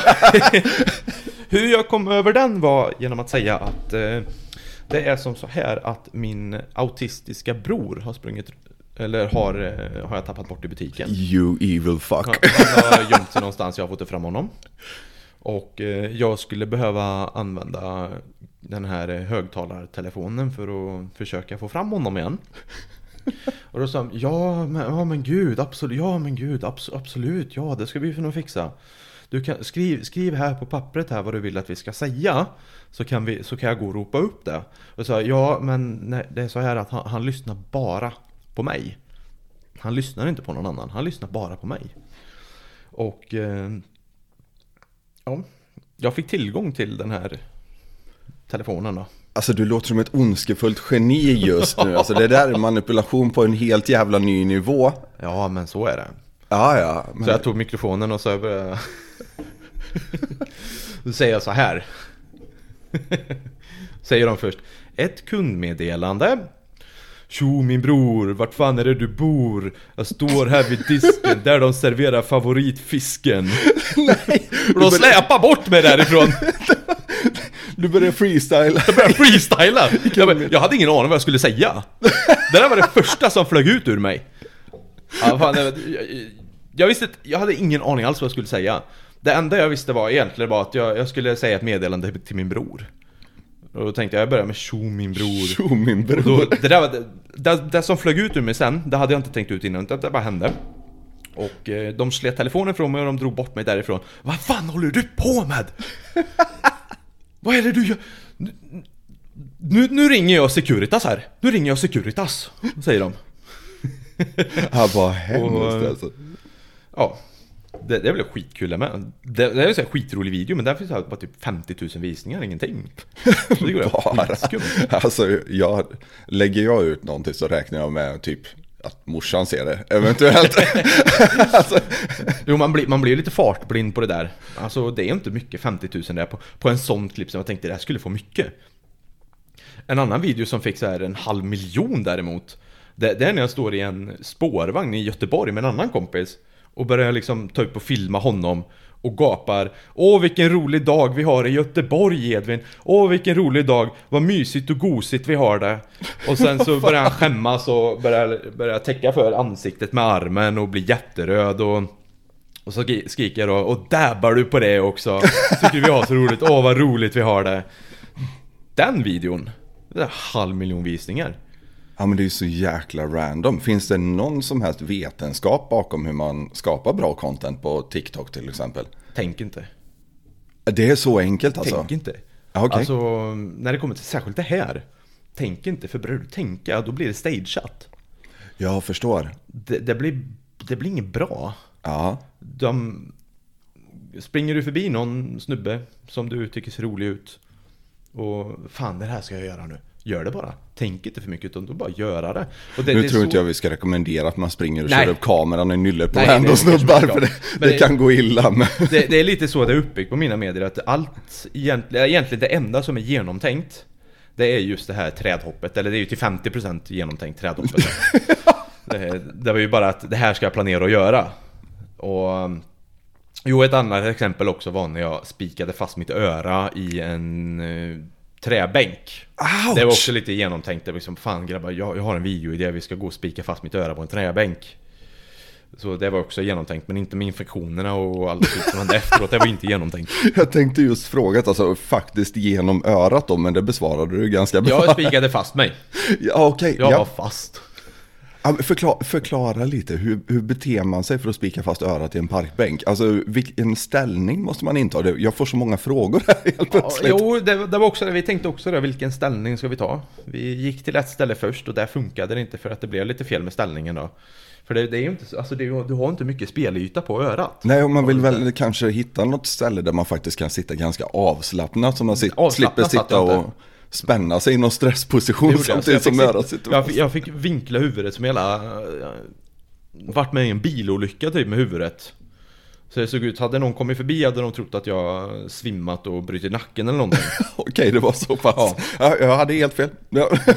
Och sen är det bara att Fick eh, jag hålla öronsnibben mot träplankan Och eh, min kompis då och spika då Hamra på spiken och spika fast Jesus. Och um, det, det gjorde ju ont självklart. Men det som gjorde mest ont var att dra ut spiken sen. När man väl hade börjat irritera hela området. Men eh, det är också en så här riktigt dum idé. Men det var också där lite genomtänkt. Annars är det kör på bara. Kommer en idé så kommer en idé. Och det, det, nu är inte, som jag sagt, aktiv, superaktiv på medierna nu, men det, får jag någon dum idé, då kommer det upp där. Jag förstår. Och det som är det senaste är att de dumma idéerna som kommer upp nu, de blir bra respons på faktiskt. Ja, okej. Blir det. Hur ser bra respons ut på TikTok? Alltså jag har aldrig använt appen själv så att du får gärna... Bra respons tycker jag är över 100 000 visningar Jesus. inom Inom 12 timmar kanske. Fucking Då tycker jag det är bra. Okej, alltså så 100 000 inom 12 Det, timmar. det tycker jag, det är mitt personliga då. Ah, och okej. sen också att de, man kan ju se om de har skickat vidare den här videon. Så Ah. om du går in på TikTok och så trycker du på pilen och skickar vidare till din kompis, det kan ju jag se då som har skapat videon. Då vet man att skickar de här vidare videon till sina kompisar, då är det bra respons också. Ja, okej. Och Ja. så ser man dem tagga varandra och skriver och kommenterar massa jävla rolig skit helt enkelt. Ja, okej, men kan man då, kan man kolla på de statsen och tänka att ja, men jag bör nog styra min content åt det här hållet Nej, för att få det samma respons? Det Eller är det fortfarande helt random så att man bara ska låta bli att tänka nästa gång man plockar upp kameran Så, igen? Låta bli att tänka för annars så blir det ju lite stageat att eh, Och det, jag har ju redan gjort den grejen. Ja, visst. Jag, jag, är liksom, jag har redan gjort det här. det, för det kan jag tänka när jag ser eh, videos på TikTok också. Att har du någon stor TikTokare, de gör samma typ av videos hela tiden. Jag kan tycka det är skitkul, men då tycker jag liksom, att tre, fyra videos är skitroliga. Sen skulle jag vidare, ja men här händer ju samma sak fast de har bara gjort om den på lite sätt och här var det samma sak igen. Tycker inte jag är lika kul. Utan jag är mer liksom, nu har jag gjort den här videon jag hoppar i trädet, skitkul. Gjorde en till stuntvideo och som du också ska få se video på sen. Men vi, jag och en annan kompis nu då. Det här var det sista stuntet han valde att göra med mig för att det gjorde så jävla ont. Skultorp i Sjötorpa i eh, en liten sjö finns det en nedförsbacke. I den nedförsbacken hade vi två cyklar på. Eh, på cyklarna, fäst, vi fäste ihop cyklarna till ett. Med ett eh, långt rep, gjorde vi. Och eh, ta sats nedför nedförsbacken, det går fort alltså. Vi tar sats verkligen. Och eh, längst ner på backen så var det ett träd. Och eh, jag på vänster sida, min kompis på höger sida, repet emellan oss fastknutet 8000 och Oh, eh, Jesus. svi- svingar oss framåt något enormt. Och jäklar vad kul det var alltså. Alltså kolliderade ni också? Lyckades ni tajma det så bra så att ni körde in i varandra också? Nej, vi Nej. körde inte in i varandra. Här har du... Du ska få se videon här på den. Ja, Där ser du videon på. på. den. Det är också oh, här. fucking... Oh, gee. Ja. Och ni, ni som lyssnar får gå in på min Instagram och kolla på det här. Alltså in på Tjockdum och kolla. Det var Det- faktiskt riktigt roligt och det ser plågsamt ut också. Det var... Ja, det gjorde ont. Och sen ville den killen som är med på det, han ville inte göra något mer stunds efter. Ja, jag förstår faktiskt det. Det gjorde så jäkla ont. Men det var skitkul när vi väl gjorde det. Skitkul. Fan, jag, jag kunde lätt, jag kan lätt göra det igen men återigen samma, samma där. Då blir det liksom, då har vi gjort, vi har gjort två, tre olika sådana här stora farliga stunts nu. Visst, man kan göra det efter ett tag. Så nu hade jag kunnat göra det igen. Nu hade det gått bra. Hade jag kommit på en jävligt bra idé. Liksom, det här stuntet hade jag velat göra. Kommer det en jävligt bra idé och gör det, då hade det blivit skitstort. För nu har jag inte gjort det på ett tag. Men gör man det hela tiden, liknande grejer, det blir inte samma sak. Ja, men det blir lite mättat va? Ja, jag, jag tycker det i alla fall. Sen finns det ju de TikTokare som har hur stor följarbas som helst som ändå får bra med visningar på att göra liknande grejer hela tiden. Vilket jag inte kopplar, jag tröttnar direkt. Ja, okej. Ja, vi satt ju och spelade lite Call of Duty här innan. Och jag har ju fattat att du faktiskt är lite mer än casual på det. Och kanske till och med bland toppen i världen vad jag förstår. Ja, det låter väldigt skrytsamt men eh, är man duktig på någonting så ska man fan vara stolt över det. Ja, men det tycker jag absolut. Så Det är äg det bara. eh, man, man kan vara ödmjuk fortfarande men man ska fan ta mig vara stolt över det. Nu kanske det inte låter så här skitcoolt att eh, fan jag är en av eh, världens 500 bästa på Call of Duty liksom. Jo, men det, jag tycker det är skitcoolt Ja, faktiskt. sådana som oss är det ju skitcoolt för. Nej men nu finns det ju Call of Duty och eh, i Call of Duty det är ju väldigt brett. Det finns ju eh, en speltyp som heter, som heter Battle Royale Om du känner till det. Ja. Du eh, droppar in, du får eh, bygga upp din egna grundbas. På Call of Duty, vanliga Call of Duty, Modern Warfare, Black Ops till exempel. Då börjar du ju matchen med eh, att du, du har dina vapen från start. I en Battle Royale så får du ju droppa in, flyger i flygplan och stor jäkla bana där du får droppa in och eh, bygga upp din egna backpack med, själv med vapen och grejer och allt vad det innebär. Så det är ju det jag fokuserar på, Warzone. Ja men det är lite PubG-tänk då liksom, Precis. eh, eller Fortnite. Ja. Det, det är som PubG på anabola. Ja. PubG är ju, då får du droppa in, det går väldigt långsamt. Du får bygga upp dina vapen helt själv, du kan sätta på egna sikten i matchen, du sätter på alla grejer i matchen liksom när du väl är i och spelar. På Warzone så eh, är det bara färdiga vapen. Och du kan hämta din loadout som det kallas då, och då kommer det en stor, eh, stor låda där du får Då får du välja ditt egen kittade vapen som du själv har byggt upp hur du vill ha den då. Annars får du ta vanlig ground loot som det kallas då. Lite mer ADHD-vänligt helt enkelt. Det är lite mer ADHD-vänligt. Du får Ja. bygga upp din egna coola grej så får du köra med den hur mycket du vill. Ja. Det är det jag fokuserar på då. Och eh, det har blivit väldigt eh, seriöst med tiden kan man säga. Nu eh, är vi på en övergång från Warzone på Modern Warfare 2. Från eh, ja, 20... Vad blir det nu bra? 2019, 2020 Modern Warfare 2. Eh, eller Modern Warfare som det heter bara Till Modern Warfare 2 nyare nu som kom förra året Det spelar vi fast på Warzone nu Där det är eh, eh liten Jämfört med The Warzone 2 jämfört med Warzone 1 så är det här lite mer eh, långsammare och sådär men Men du säger vi, har du något team med dig Ja, vi, vi är ett eh, jäkligt sammansvetsat team från eh, ja, Norge. Vi har en från Skottland Har ni något namn eller som vi Nej, borde det- det ge någon vi shoutout här? Det, det har vi faktiskt inte än. Utan Nej, vi, okej. vi kör på bara. Sen, sen brukar det bli lite olika teammates. Ni får lägga till tjockdum på Playstation helt enkelt och se. Ja, precis. Mm. Nej, vi har, kör med lite olika. Nu har man byggt upp en liten bas med så här riktigt, riktigt vassa spelare då. Men så på den Warzone 2 som vi kör har gått väldigt eh, framåt nu. Det är ifrån liksom lite casual så här, spela liksom, ha det lite kul men senast har det blivit nu försöka i alla fall till våren kommer det bli nästa turnering då.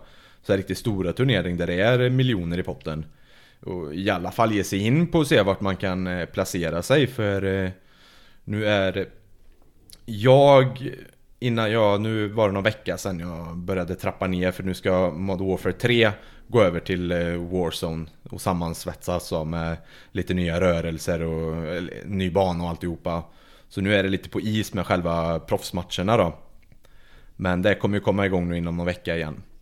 Men på eh, den innan jag tog den här lite breaket nu så var det ju åtminstone topp 500 på topplistan på själva Warzone på proffs, proffsligan på Warzone då. Fan, det är coolt Och alltså. Det, det, är, det är kul, är det. Självklart, man har ju jobbat en hel del för att komma dit och då har det mest varit så här hobby. Ingen streaming eller någonting och det är också samma det att man kanske ska dra, dra igång någon stream för eh, Jag förutsatte nästan att du satt och streamade också när du spelade. Nej, men det kanske är någonting du gör eh, för din egen skull bara, eller för din egen utvecklings skull, eller? Ja, för min egna skull. För att det är sjukt kul att sitta och spela. Jag kan lägga ner eh, lätt åtta timmar på en dag. Bara sitta på skärmen. Tio. Jag kan ligga som, på en söndag kan jag sätta mig från klockan 9-10 på förmiddagen till 9-10 på kvällen. Ja men det är ju en liten death trap för oss bokstavsbarn också. Oh, ja. alltså man kan ju bara, vi fastnar ju i det, eller jag märker ju på mig själv i alla fall att jag blir bara insugen och sen sitter jag där. Ja, man är helt fast. Ja, ja. Särskilt när det går bra. Absolut. Man tar en liten paus för eh, käka och sådär men... eh, Ja, knappt det för nej, min knappt. del alltså. Nej, nej, nej. In med maten snabbt bara, sen kör vi vidare. Jajamän. Och sen kör man på och ehm, det, man får ju man tar ju efter lite, man får ju lära sig, man blir ju bättre och bättre hela tiden ju längre man spelar såklart Men för att utvecklas så har man ju kollat på Youtube, mycket på TikTok nu också Hur eh, elitens elit spelar liksom topptoppen, hur de kör med eh, jag menar, lite sådär text, movement, text, tekniks, liksom hur, hur man ska röra sig, hur man ska tänka och det har ju gått från att vara casual, kul att spela till taktiskt, taktiskt med allt hur man ska tänka på och eh, Sen något som kommer folk dumförklara mig också som in i tusan nu. Och det, det, är dumt men nu kör jag på Playstation Playstation 5 Vi körde ju på kontroller du och jag innan. Ja. Och eh, det, jag, jag, jag, jag kan inte köra kontroll Alltså jag, där är jag på topp 500 sämst i världen är jag. Men eh, jag började min resa på kontroll, nu har jag kört i eh, 23 år ungefär, två, två tre år på eh, Warzone. Och eh, började första året på kontroll. Och jag stod helt fast, jag kom ingenstans. Alltså jag, jag var sämst hela tiden, jag började tappa det där. Fan, jag, skitroligt spel, men jag började tappa det liksom. Jag var så jävla dålig. Då tänkte jag fan nu har jag lagt flera tusen på hela Playstation så nu får jag bli bättre. Och så köpte jag faktiskt tangentbord och mus. Nu kommer dumförklaringen. Jag kopplar in tangentbord och mus i Playstation. Och spelar liksom som det vore en dator. Och där, där gick det fort uppåt alltså. Men jag tycker inte det är så jävla dumt. Alltså vi pratade ju om det på vägen hit också. Att jag själv gameade ju med en splitfish eh, back in the days på PS3. Och det är ju ändå, då har du ju mus och en halv handkontroll i andra mm. handen. Så jag tycker inte alls det är en så dålig idé alltså. Det alternativet finns ju fortfarande. Alltså, de här grejerna är ju skapade, nu är ju Playstation och Xbox skapat för att du främst ska köra med kontroll. Kör du med andra inputs då får du en liten delay, det blir lite pytte, pytte lite segare. Men de är fortfarande gjorda för det, för alternativen finns att välja till det. Så de är fortfarande skapade för att du ska kunna köra med det. Men utomstående som eh, kommer man in i en, i en match och lagkamraterna helt plötsligt spelar man med någon ny man inte känner till. De ser att man köper Playstation och de ser att man köper tangentbord och mus på ett Playstation. Antingen så lämnar de eller så blir man kickad liksom direkt för att eh, ingen, ingen bra spelare på Warzone kör egentligen överhuvudtaget med tangentbord och mus. Okej. Okay. Så eh, jag skulle säga nu, nu är det ingenting jag kan basera på någon fakta. Utan det får jag liksom basera på vad jag tror. Och det finns ytterst få liksom som är bra på tangentbord och mus. På Call of Duty. Eh, särskilt Warzone för det är så jäkla snabba rörelser. Men det är, är det cross-platform gaming? Ja. Det också då? Ah, okej, okay. ja men då är jag med. Så nu kör jag ju både mot eh, Xbox och dataspelare. Ah, okay. Men det är samma, alla som kör på dator, de har kopplat in eh, kontroll också. Det är så alltså? Alla. Jag hade ju antagit att spridningen var ungefär 50-50 när det gäller liksom hög nivå. Jag trodde också det i början, men i princip, jag har stött på kanske, kör du med 100 personer så kör en eller två utav dem med tangentbord och mus. Det är så pass lite. Så på den skalan skulle jag vilja se liksom faktabaserat vilken nivå man ligger på. Men varför, varför tror du att det är så? För att jag tänker ju att eller är det då att man kan bygga in rörelser i kontrollen? Eller, att, eh, eller vilka är fördelarna egentligen kontra mus och tangentbord? Bra, bra fråga, för eh, spelet i sig är anpassat i grund och botten för kontroll. Är det. Det är gjort för att du ska kunna vara snabb och smidig med kontroll. Går du till inställningarna så har du 100 mer inställningar för kontroll kontra tangentbord och mus. Det, det, är gjort för det. Du har till exempel aim assist. Siktar du mot någon med kontroll, då får du liksom datorn eller själva konsolen hjälper till med att sikta in. Siktar du lite till höger om den, då styr liksom styr själva konsolen in siktet lite mer mot så att du prickar lite mer. Och eh, rörelserna, det är mycket liksom snurra runt röra sig liksom, springer du rakt fram helt plötsligt är det någon som skjuter bakom dig, då måste du på en millisekund vända dig bakåt. Med kontroller så kan du göra med ett supersnabbt eh, vrid av tummen bara så är det liksom Har du vänt på dig.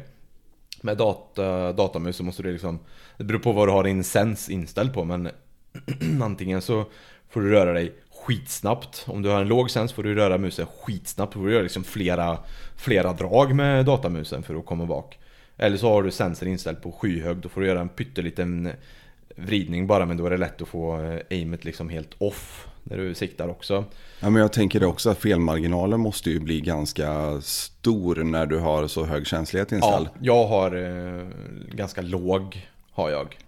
Men här är också att du har ingen assist, du har ingen aim assist. Utom eh, Du får helt själv lägga siktet.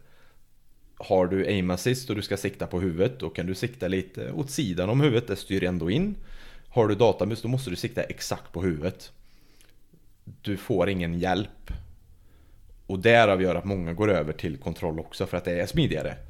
Du... Ursäkta en noob här då, men är det så alltså att man kör med aim assist på högre nivå också? Jag hade ju förutsatt att det faktiskt var förbjudet eller någonting när man börjar komma upp i nivå eller att man känns låter bli att, att köra med det. Känns som att den är starkare på högre nivåer. Det är så jävligt ja, alltså. Det är helt sjukt alltså.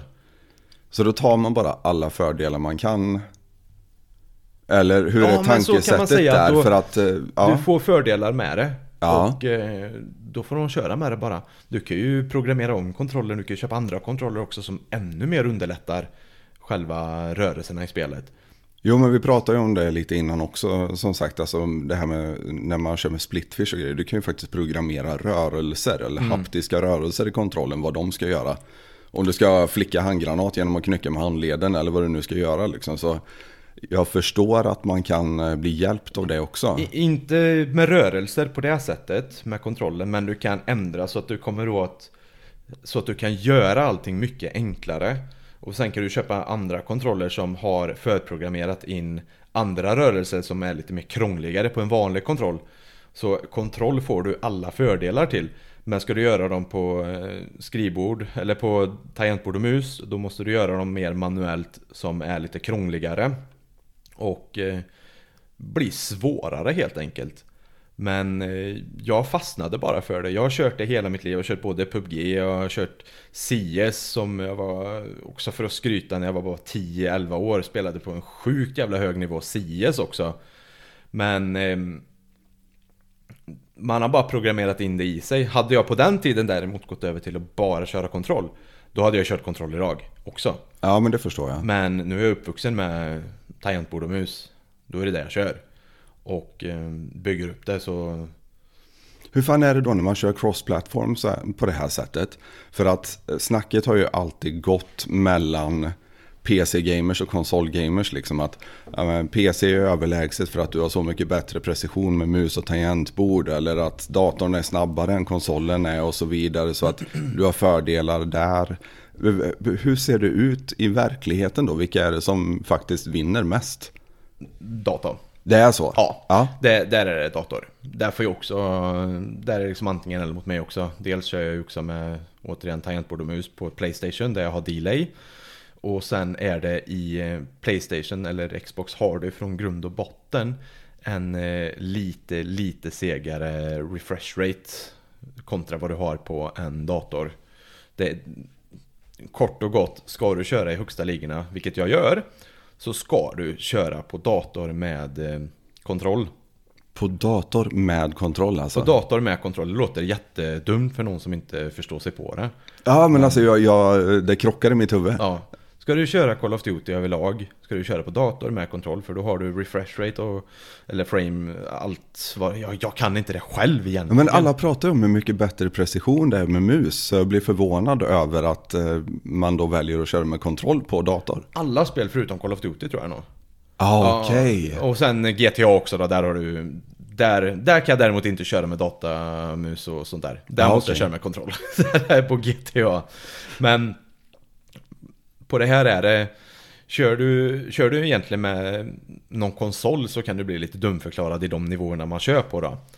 Men eh, Så jag får också ofta höra det att om jag spelar med någon som jag inte har kört med innan Att jag kör med mus och tangentbord på konsol De blir ju jäkligt imponerade faktiskt i och med att det är så många nackdelar Är det Ja men det känns som du verkligen har stackat nackdelarna framför dig då.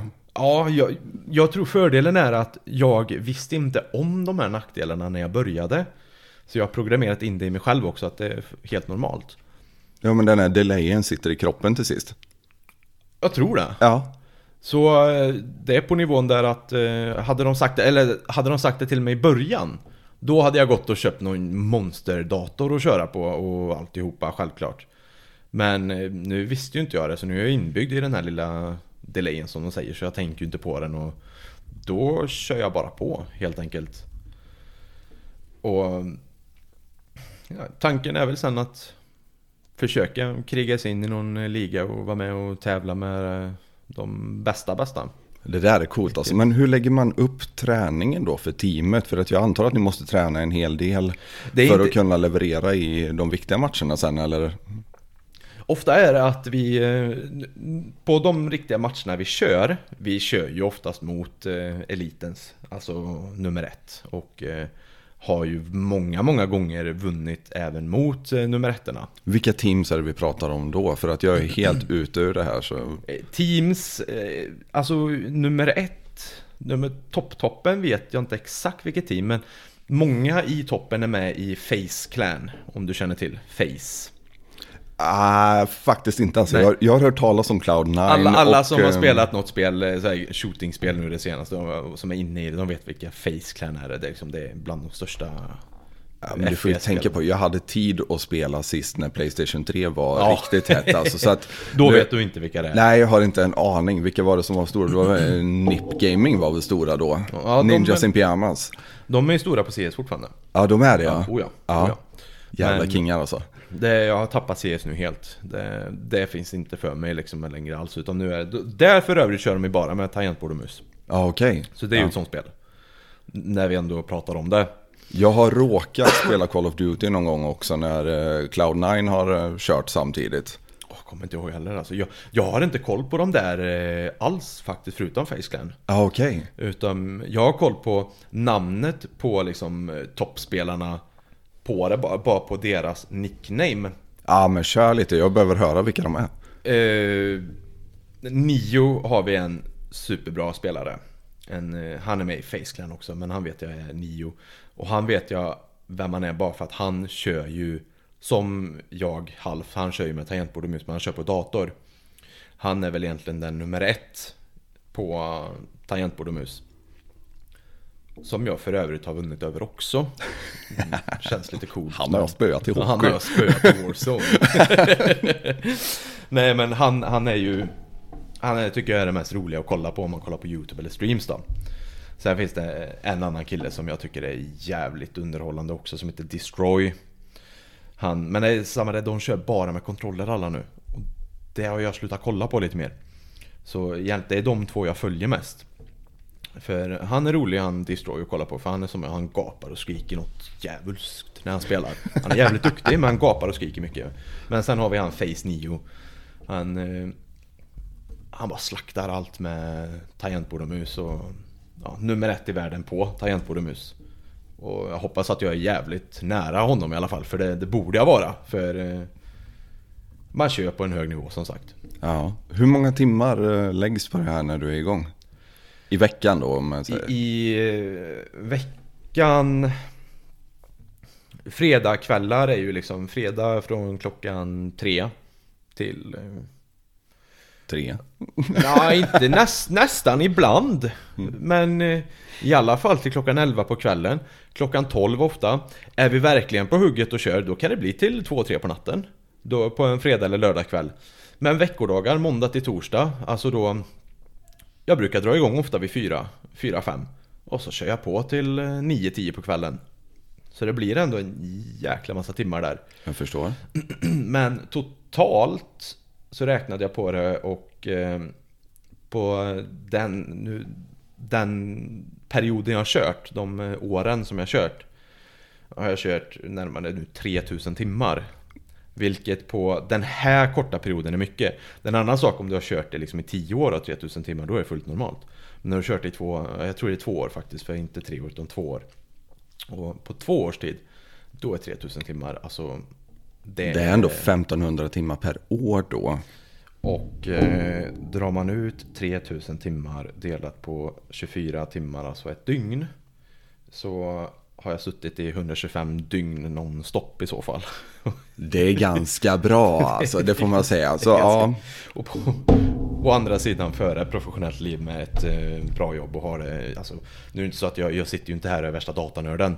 Nu har jag inget emot värsta datanördarna utan jag sitter ju inte här som en, en eh, gamer som eh, inte har ett liv och inte har ett jobb och bor hemma hos sina föräldrar utan du gör annat också, jag förstår Jag det. Du kan har inte... ju ett professionellt liv Ja, utöver det också. Och jag har en sambo, jag har eh, mina husdjur, mina ödlor, jag har mina kompisar och jag har mitt jobb där jag sköter det jävligt snyggt och har en fin bil, Mercedes, senast modell alltihopa. Så utåt skulle man inte säga att eh, han sitter och spelar sju timmar om dagen. Nej, det är... Det, det skulle man inte säga. Och nu gör det ingenting om du är en sån typisk stereotypisk Nej, självklart inte. Det säger jag inte liksom, är du det? Jag, de kompisarna jag spelar med, flera utav dem är det. Bara Gör det och Ja, se på. till att försöka vara så bra som möjligt på det. Ja, det kör det på. Sitter du här och tror att jag kör, in det, kör upp det i ansiktet på det så absolut inte. Tvärtom, utan eh, jag önskar nästan att jag kunde släppa på det mer och vara sån jag med. Absolut, ja men det tänker Eh. man ju alltid. Jag menar när man är involverad i MMA till exempel. Man önskar ju att man bodde hemma så att man kunde träna tre gånger om Ja, dagen. Och precis. förhoppningsvis äta på morsans räkning också för att det går åt Ja, en del det hade cash varit det bästa. Ja men Fan, självklart. Slå, slå upp eh, gamingstolen här och du lagar maten till mig varje dag och jag behöver inte jobba, du betalar hyran och du, du ger mig pengar också liksom. Menar, Fan det hade varit drömmen. En Och, kär vän till mig ryckte in i lumpen vet du. Jag, vi frågade ju stackaren, för han bodde ju hemma när han gjorde det. Ja. Så vi frågade ju killen då liksom, men eh, fan hur är det då? Vi var lite oroliga för honom nästan. Du vet, vart omhändertagen av morsan hela tiden och så. Ja, men det är bättre än hemma. Det är så mycket bättre än hemma. Vi får mat varje dag. Gymmet är precis bredvid. Perfekt. Ja, ja. Perfekt. Men det är ju så man önskar att man hade det när man försöker satsa på någonting. Ja. Slippa tänka på mm, jobb som tar flera timmar. Absolut, för det alltså hur många tror du att det är som kan leva på gaming i Sverige? Inte många. Det, det är så sån jäkla konkurrens alltså. Ja men det, det har ju växt explosionsartat det Ja, här. men Sverige är väldigt bra på gaming. Ja, Sverige har jävligt bra gamers. Alltså, vi, vi är högt rankade. ja men jag har förstått det. Amerika kommer ju alltid komma först. Ja men de har stort urval Ja, också. de, de är störst. Men jag, jag skulle nog säga med handen på hjärtat att eh, hade jag fått välja själv så är Sverige tvåa. När det kommer Det är till så gaming. pass, ja, alltså? Ja, jag tycker det. För jag tänker mig att uh, allting som man kan grinda sig till och vara bra på brukar ju koreaner vara helt underbara Ja, de på har ju för fan glömt bort. De finns ju också. Helsike. Just det, de är Det är getingbot liksom. Där har vi ju dem ja. Vi sätter dem i en kategori för sig. För saken Ja. jag, jag stöter aldrig på sådana för de har helt egna servrar. Alltså de, de, De är- bryr sig inte med oss vanliga. Nej. Tar du dem det, ja fan det har jag inte ens tänkt på. Men de har ju sina spel. De, de spelar ju de här spelen Dota, League of Legends, sådana spel. Alltså, Och bara tok äger. och ja ja, där, där kan du inte konkurrera ut. Där, där har du inget att säga till om. Nej men det är, jag, alltså du kan inte jobba sönder asiater. Nej, nej, Alltså nej. nu snackar vi grova fördomar här men jag, jag har aldrig träffat en korean som inte jobbar ihjäl sig. nej. Där, där är det stenkört. Och samma de- sak om man tar japaner, de har ju för fan ett ord för när man dör av att man jobbar ihjäl sig.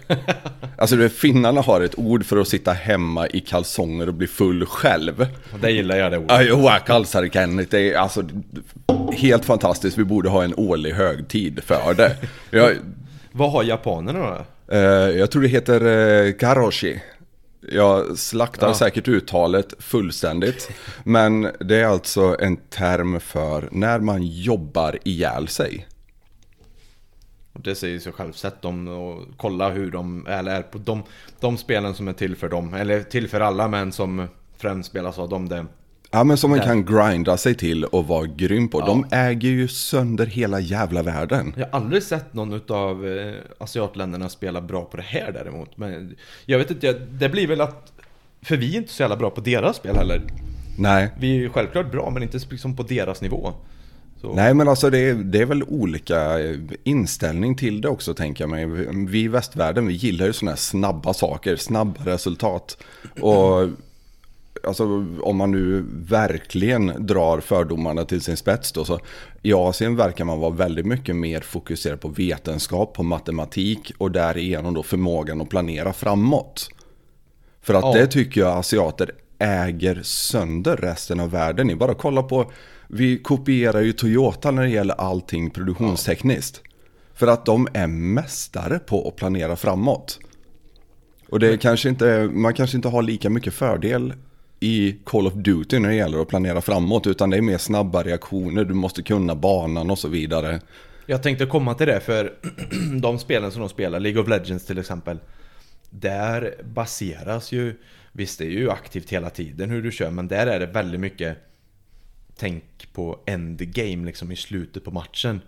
Hur ska vi göra så att den blir så bra som möjligt? Vi förbereder oss med den här och vi förbereder oss med den här. Så är det i Warzone också, men där där kan du vinna matchen på att inte göra ett skit också. Alltså, ta League of Legends, där måste du vara aktiv från start till slut. På Warzone kan du gå in från start.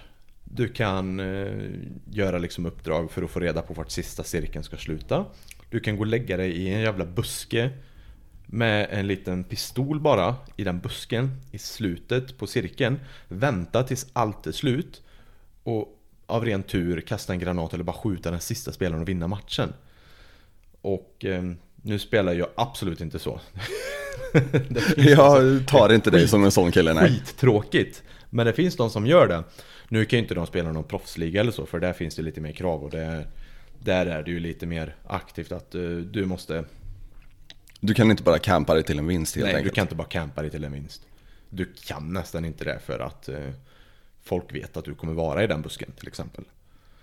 Men, jo, men jag kan tänka mig när man kommer upp på proffsnivå, alltså barnkännedomen måste ju vara på alltså så hög nivå så det är sjukt eller? Ja, man, man kan allt.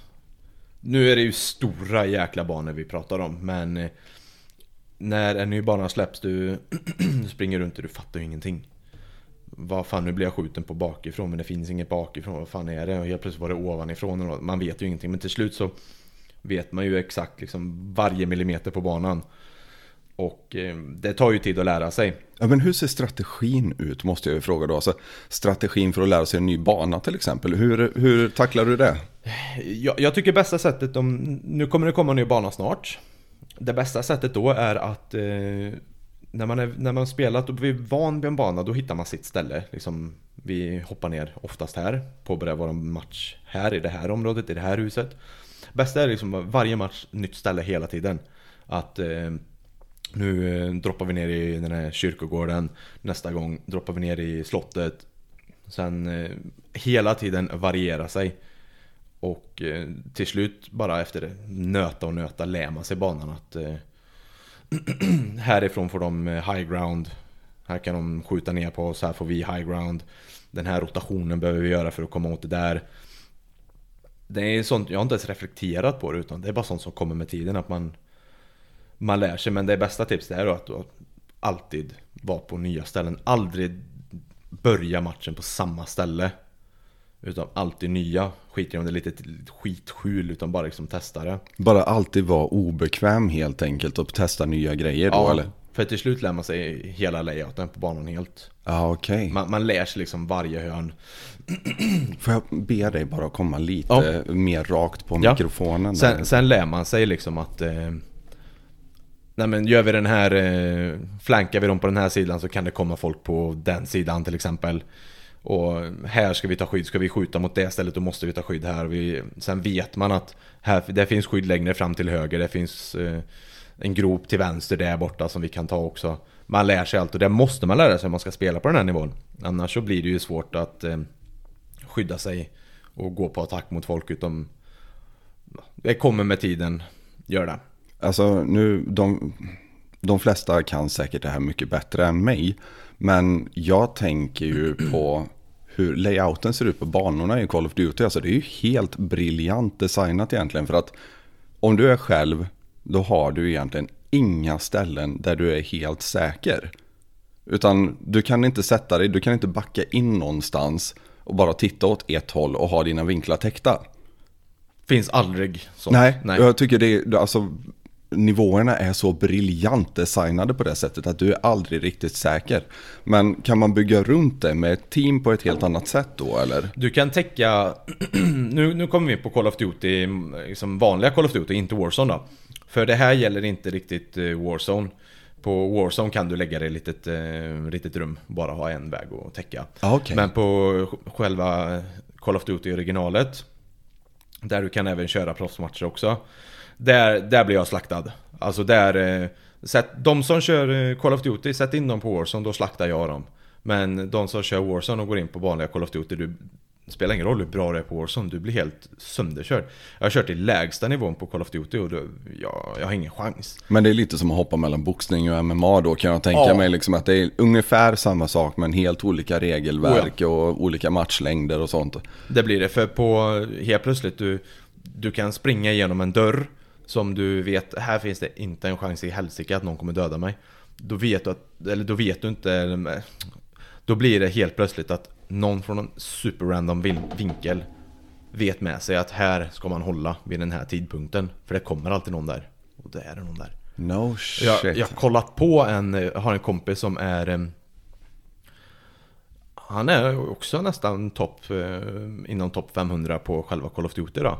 Jag har kollat på när han kör och Säger han till mig Look, look, look, he's gonna come here now in 3, 2, 1 Och då kommer han och skjuter han Han vet Och jag misstänkte också att han fuskar så mycket Men eh, Hur fuskar man? Det, måste jag också det veta. måste du köra på dator och ladda ner och alltihopa.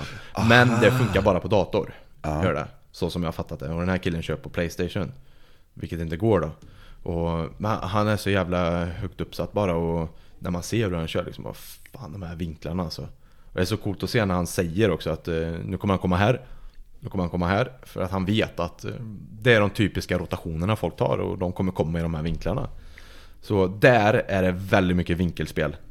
Men shit vad häftigt. Där är det inte samma på skydd Utan där är det mycket mer vinkel, vinklar På Warzone är det liksom Vilka skydd du ska ta Och hur du ska attackera När du inte ska attackera När du ska ha high ground på dem på, Hur ser, men hur ser strategin ut då? Förlåt att jag avbröt här, men jag, jag blir så jävla exalterad över det här. Hur ser strategin ut när ni kommer in på arenan?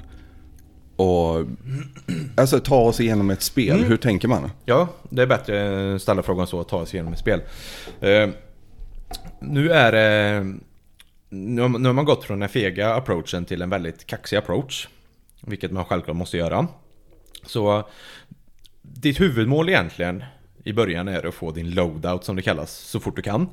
Där du får eh, dina egen, egenplockade vapen Så som du har gjort dina vapen. Och eh, målet är att få den så fort som möjligt. I början på matchen finns det fem stycken strongholds som det kallas. I de strongholdsen, det, det här är hotspots. På en match så är det 100 spelare då. Många går för de här strongholdsen. Där i strongholden så kan du plocka din egenformade loadout då. Okej, vad, vad har man i sin loadout? Eh, Typiskt, är det red dot och håll käften eller vad? Det är, det är precis liksom vad det är Skittråkigt, alla går efter vad som är det bästa För tillfället, Okej. meta som det kallas då. Och eh, det kan vara en SMG, en liten skitpistol. Det kan vara en sniper, det kan vara en automatsniper, semisniper. Det kan vara en vanlig karbin liksom. På den sätter du på liksom Oftast utan sikte Du kör oftast med eh, vanliga iron sights som det kallas som inbyggda Men det är oftast en eh, silencer Så har du något eh, handgrepp på den och sen pistolgrepp och sen en för armstödet, några olika. Där får du kitta liksom i, innan matchen och alltihopa. Så den tar du för att få mobilitet och rekylkontroll och alltihopa. Sen när du har den, då är det helt hur du föredrar att spela. Jag föredrar att köra på sätt, sättet att jag vill köra över folk. Hoppa in i en bil, gå fram eh, Kontrakt finns det lite olika kontrakt där du kan plocka ett eh, Bounty-kontrakt där du får i tre minuters tid ser du platsen på en spelare Som du ska hunt down och döda Ta hans efternamn. Ta hans efternamn Sen kan du ta ett eh, Most Wanted-kontrakt Där alla på hela matchen ser din position I tre och en halv minut 3.45 tror jag det är till och med. Men klarar du det som belöning Så säg att dina två andra teammates är döda. Istället för att jaga pengar och köpa tillbaka dem som man gör då. Så äh, Klarar du det här Most Wanted så återkommer de ändå. Då kommer de ner till dig. Då blir de återupptagna till äh, liv helt enkelt. Sen finns det ju Recon-kontrakt Där du kan Gör du det så kan du se, slutför du uppdraget, det är bara skydda ett litet område en kort period. Då kan du se vart nästa cirkel kommer vara och cirkel är ju liksom spelområdet. Ja, för den krymper hela tiden. Ja, helt, precis, precis. Och eh, det är väl egentligen de kontrakten man fokuserar på, på de här matcherna. Vi gör oftast eh, Bounty där du ska jaga ner andra. Sätter oss i en god bil och bara kör runt och dunkar eh, mycket 50 cent och... Dunka plåt. ja, dunkar plåt. Nej men du, du kan ju styra musiken själv också. Aha, Kan du ja göra? det är fett. Så eh, lyssna på lite Jay-Z, 50 Cent och sånt i... Lite god old school rap helt enkelt. Lille Alfaji. Ja precis, precis. Lyssna, ja, den har de tyvärr inte, det hade varit jävligt gött. Men eh, lyssna på musik och bara liksom... Ha, kör över folk liksom. Rulla kör, med boysen helt enkelt. Rulla med boysen, nu, nu närmar vi oss liksom personer vi ska skjuta. Då får man ju tänka liksom, okej vi ser att den här personen är i ett eh, stort jävla hus. Hur ska vi approacha den liksom? Nej men det finns möjlighet för oss att ta huset bredvid och hoppa ner på taket eller vi måste gå bottenvägen. Då, då har man oftast olika flash grenades, stun grenades, olika handgranater. Du har ett helt, vad heter det? Helt förråd med olika grejer du kan ha med dig helt enkelt. Och ni kommunicerar på Det ganska hög nivå då Väldigt också hög jag. nivå. Jag, jag, tror, jag reflekterar inte ens själv över det. Utan eh, jag får höra i efterhand, helvete vad du gapar Martin eller? För man, man tänker inte på det själv utan det, det är ingenting som jag kan imitera nu. Nej men självklart inte. Det- Alltså, det är ju reptilhjärnan som är så jävla Ja, ja, ja. igång så att du... Ja. Is to the right, is right, is is above me, so coming to the left liksom. Det, det går så jäkla fort. Ja men det är ju lite samma sak som man pratar om med road rage. Att eh, du sitter med reptilhjärnan så hårt engagerad. Du tar så många snabba beslut. Ja. Det slutar ju med att du sitter och gapar till sist när något oväntat händer. Ja, och det sjuka är att nu har vi tre som kör på matcherna. Alla tre fattar exakt vad alla säger, hela- alla är helt med. Fan vad härligt. Det är det, det, det som är så sjukt efteråt sen, man, man kan liksom inte säga vad man har sagt, man vet inte. Ja, för det måste ju vara en av de största utmaningarna tänker jag. Hur man kommunicerar inom Ja. laget för att alla ska fatta det när man Därför inte ser måste, varandra. Man måste ju vara sammansvetsad och kört mycket ihop då. Måste man. Och um, där kommer ofta träningen in för det, du kan inte öva på någonting under själva kriget. Utan det får du helt enkelt bara prata ihop er om efter matchen. Vad gjorde vi rätt? Vad gjorde vi fel? Oftast hur man dör. När ditt lag blir eliminerat, det är ju där du har gjort som mest fel. Har du haft en kämpig strid innan det, men du vann den striden, då kan du prata om vad du gjorde bra där liksom och vad du kanske hade kunnat göra bättre, men vann du den så vann du den. Då har du ändå gjort en framgång där. Men när du förlorar en strid, vad har vi gjort fel? Där Och börja in. analysera det Ja. verkligen. Ja. Det är liksom, eh, ja men du stack in för snabbt och missade säga till oss att du stack in eller att eh, jag helt och hållet missade och kollade det där hörnet. Nästa gång så får jag se till att kolla mina hörn mer. För det kanske ligger någon jävel någonstans. Alltså det är tusentals grejer att tänka på hela tiden men till slut så tänker man på dem automatiskt. Så eh, tillbaks till storyn, vi drar ner våran eh, måltavla Sen, sen pågår det så liksom i 25 minuter ungefär, 30 minuter, en hel match om man vinner då. Och sen är det till slut ner till, eh, ja men det är tre lag kvar. Sista cirkeln med 10 lag kvar, den brukar gå jäkligt fort. Då är det mycket pang och pang i bygget överallt. Men sen är det tre lag kvar och helt plötsligt två lag. Då brukar man kunna avgöra om man har vunnit eller inte ganska snabbt. Märker du att ditt lag har tre spelare kvar, sen är det två lag med bara en spelare kvar. Då blir man lite kax utav sig, då kan man eh, köra på på ett annat sätt. Märker du att det är du kvar, en solospelare och ett, ett lag med tre kvar. Då brukar du inse ganska snabbt att det är kört. Självklart, du går alltid för vinsten oavsett vad. Men det brukar vara väldigt svårt att eh, avsluta det med en vinst då. Men ganska snabbt mot slutet inser man att okej, det här kommer bli en vinst, det här kommer inte bli en vinst. Vi kommer sluta på topp 3, vi kommer sluta på topp 2. Om du får poäng för att sluta på topp 10, du får för topp 5, du får för topp 3, 2 och 1. Okej, Och, okej. eh, Högre poäng, högsta poäng. högsta poäng får du, du måste ju ha dödat liksom 10-15 pers kanske, vilket är mycket på en proffsmatch då. Få topp 1 och eh, mycket assist. Assister bara skjuter på andra men någon annan avslutar dem och Nu när man pratar om det så är det mycket att tänka på hela tiden men Ja, absolut. Ja, Men det är det här som är så fascinerande för mig. Jag älskar när man kan sitta och nörda ner sig i sådana här saker. För att när man väl kollar på allting som människor gör på hög nivå. Så är det väldigt mycket samma sak som ligger bakom egentligen. Oavsett vad det är man utövar. Om du är skidåkare eller om du är gamer eller vad det nu är. Så ser träningen och analyserna ungefär likadana ut. Analysen bak efter är det viktigaste tror jag. Ja. Det, det är oavsett vad. Ja, men jag tror Du det kan- gäller allt också, alltså, även när det gäller fysisk träning. Jag vet att många får ju jättemycket hjälp av att föra en träningsdagbok, bara så man har någonting att gå tillbaka till. Du kan analysera ifall någonting går fel, alltså om två veckor så kan du gå tillbaka i din träningsdagbok och se hur du har byggt dig upp till det här felet. Samma kan jag tänka mig hur går du en MMA-match. Du kan träna för alla möjliga scenarion innan. Du kan träna för allt mellan himmel och jord verkligen och förbereda dig. Men allt kan hända när det väl är game time.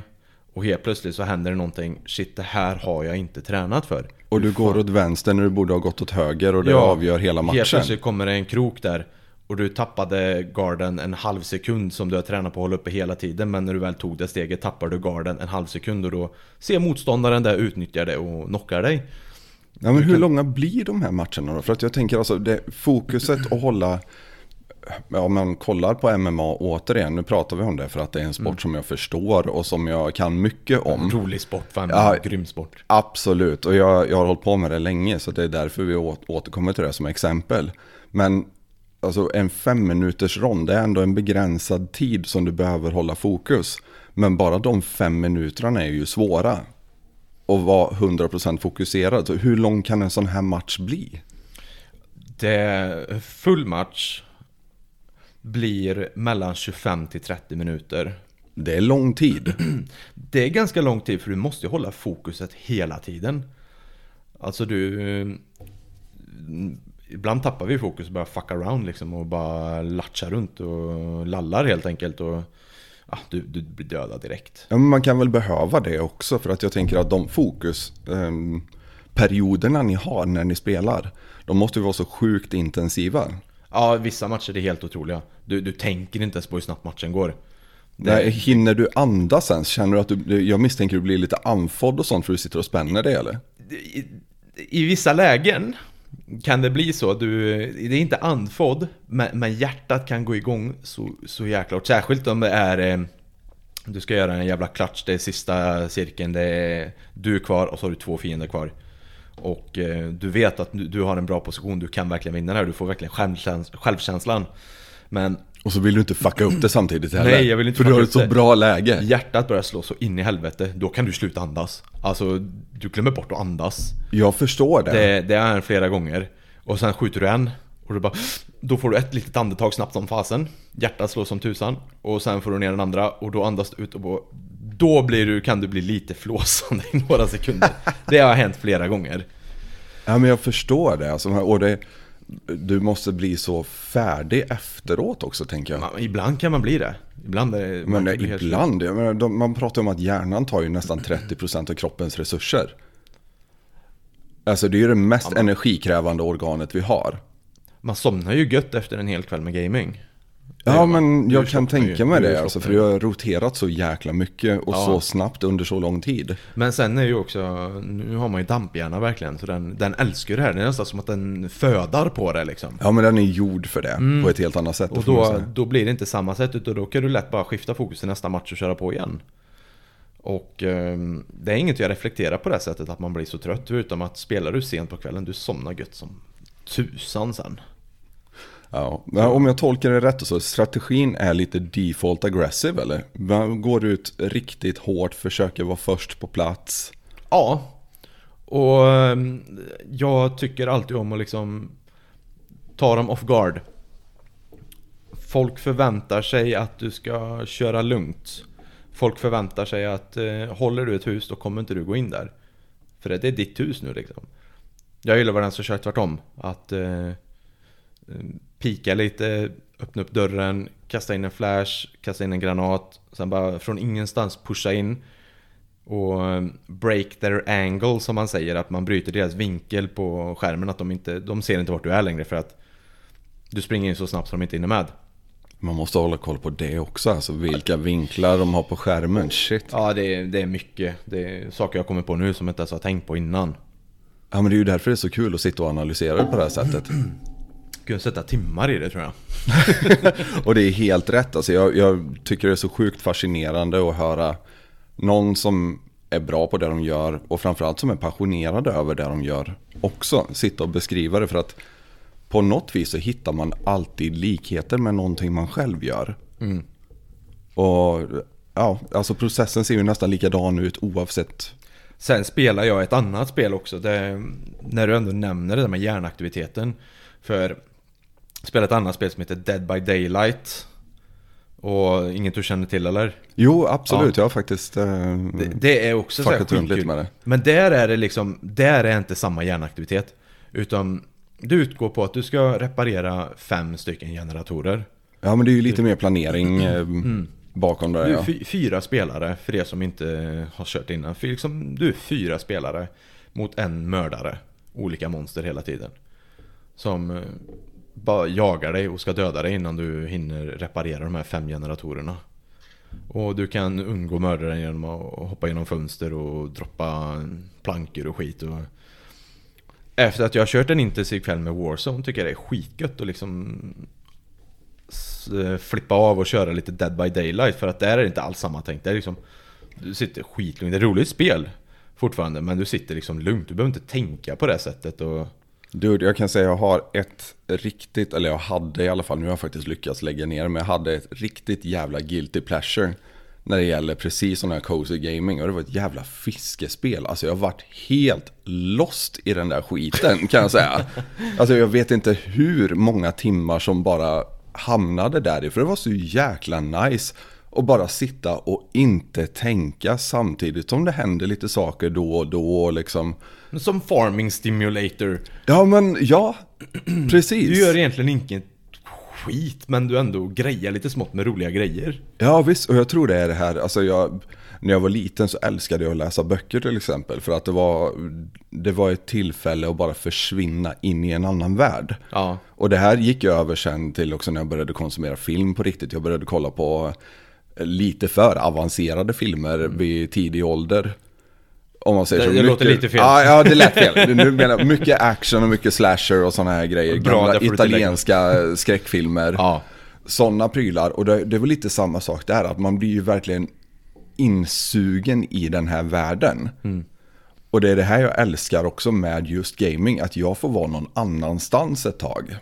Och bara koppla loss från mitt eget liv en liten stund liksom. Det är det också där det, där det börjar. Man, man kopplar bort allt. Men sen när det byggs upp till ett helt annat intresse med tiden också. Har det gjort. Och eh, där är det också viktigt. Det för mig är det viktigt också att då, i och med att det blev ett större intresse i livet så får inte de andra delarna svika. Nej, jag Det förstår. måste fortfarande funka med sambo, det måste funka med jobb. Det, det måste funka med kompisar, allt runt omkring också. Ja, men hur får, hur får du det att gå ihop? För att nu, det blir jag väldigt nyfiken på. För att vi, vi delar ju diagnos som sagt och jag kämpar ju själv med rutiner och sådana här grejer. Så, men hur, hur är din levnadsstrategi för att inte låta någonting ta över? Ja, först, först och främst tycker jag ju synd om min sambo. jag förstår. Jag vet inte varför hon är kvar med mig egentligen. Jag, jag är väl charmig på mitt sätt. nej, men, sätt. nej men eh, jag, jag tror att eh, hur jag lägger upp det är att eh, måndag till fredag är det jobb. Det är alltid första prio för mig. Nu låter det inte så när jag pratar, men jobbet är alltid, alltid min första prio. Jag rör egentligen ingenting förrän mitt jobb är klart. Har inte jag gjort klart mitt jobb, då pratar inte jag med eh, någon kompis. Så inga distraktioner. Ing, ingen distraktion, utan det här har jag ju liksom implanterat i mitt, implanterat i mitt huvud att eh, så länge mitt jobb inte är klart gör jag inte skit. Jag, jag, jag rör inte ens, eh, alltså in, ingenting som inte har med jobbet att göra. Behöver jag äta för att göra bättre jobb, då äter jag. Behöver jag inte äta, då går jag inte ens in i köket. Behöver jag gå ut och bara ta en luft två minuter, då gör jag det. Jag, ingenting annat än att fokusera på jobbet. När jobbet är klart, då släpper jag det helt och hållet. Då, då är det borta. Då glömmer jag bort att jag jobbar. Då glömmer jag bort att jag har ett jobb. Utan då, då går jag vidare på nästa grej. Nu är det gym. Nu ska jag till gymmet.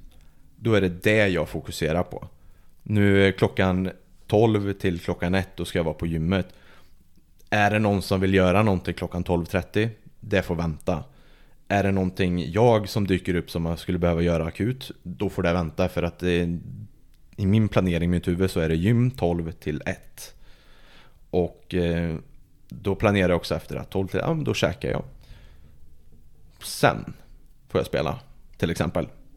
Sen får jag spela klockan eh, halv två till eh, fem, till exempel. Eller så länge jag känner för det, men då, när allt för att bibehålla ett bra fysiskt liv och professionellt liv med jobbet.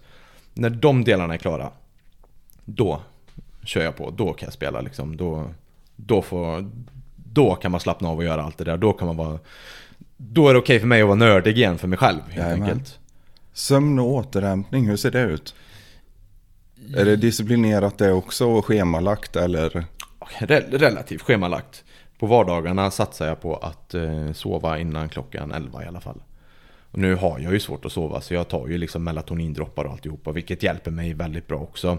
Så den är inte så himla svår att styra då. Utan då, då styr jag in den att ja, men jag vill sova senast klockan 11. Och jag går upp alltid klockan 7. Är liksom strax efter 7. Då får jag mina 8 timmar där. Och, och sen börjar om igen bara.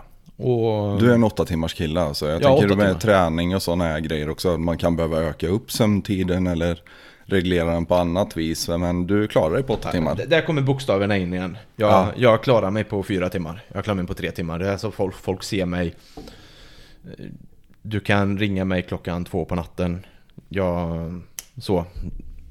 Blir aktiv. Där är vi väldigt olika alltså. För sover jag, då sover jag. Men det tar Ja. mig timmar att ta mig dit alltså. Nej, nej, nej. Det, det, det, det tar mig lång tid att komma dit. Men när jag väl ska upp, alltså... Fit for fight direkt. Ja, det där är d- väldigt avundsvärt får jag säga. Alltså, Ja, men det, jag vet inte vad det grundar sig i heller, men... eh, Det är klart jag blir lite... Har inte jag planerat att gå upp klockan två på natten, det är klart att jag kommer vilja sova vidare. Men eh, som... Vet att du ska göra någonting och somna klockan 12 på natten och ska upp klockan halv tre. Men du vet om att klockan halv tre då ska upp och göra det här. Ja, direkt alltså... Inte helt åter, återhämtad men eh, energin kommer snabbt upp. ja, men det är ju skitbra. Men man slocknar ju väldigt hårt efteråt sen. Det är ju det. Det är ju inte så att jag är en maskin som kan klara mig på det här liksom i månader utan när väl kvällen kommer sen då är man ju totalt dränerad. Ja, men jag förstår. Är du taggad på din vardag? Vad menar du? Blir du taggad av hur din vardag ser ut? Alltså, är du glad över att vakna upp och liksom veta att fan, jag har det här framför mig idag liksom? Det är ju rutin. Jag, jag, allt som händer är ju liksom rutin. Taggad är jag självklart. Jag, eh, jag är inte den som har söndagsångest. Ingenting. Utan eh, nu... Jag har väldigt flexibelt jobb. Jag har eh, flexibla vanor. Jag kan göra allt när jag vill. Jag kan göra egentligen vad jag vill. Jag Det tänker jag- att det kan vara både bra och dåligt beroende på hur man är lagd. Att man kan göra vad man vill. Ja. För en del väljer att göra absolut ingenting också. Men Jag väljer alltid att göra saker. Mm. Det, jag, jag är inte den, jag kan inte bara lägga mig i soffan en hel dag och bara kolla serie. Det funkar inte. Så om man ser det så så är jag, jag, jag älskar min vardag. För jag gör alltid det jag känner för. Gör jag. det låter ju Och fantastiskt. det, det får jag ofta höra också att eh, Fan du har inte dåligt du Martin, du gör bara vad du vill hela tiden. För att det är det jag gör. Jag tycker inte att man ska leva ett liv där man inte gör det man vill. Nej, det är det. Jag är sjukligt imponerad alltså för att jag menar så många går ju runt i en vardag som de egentligen hatar. Mm. Och det, där är det helt upp till dig.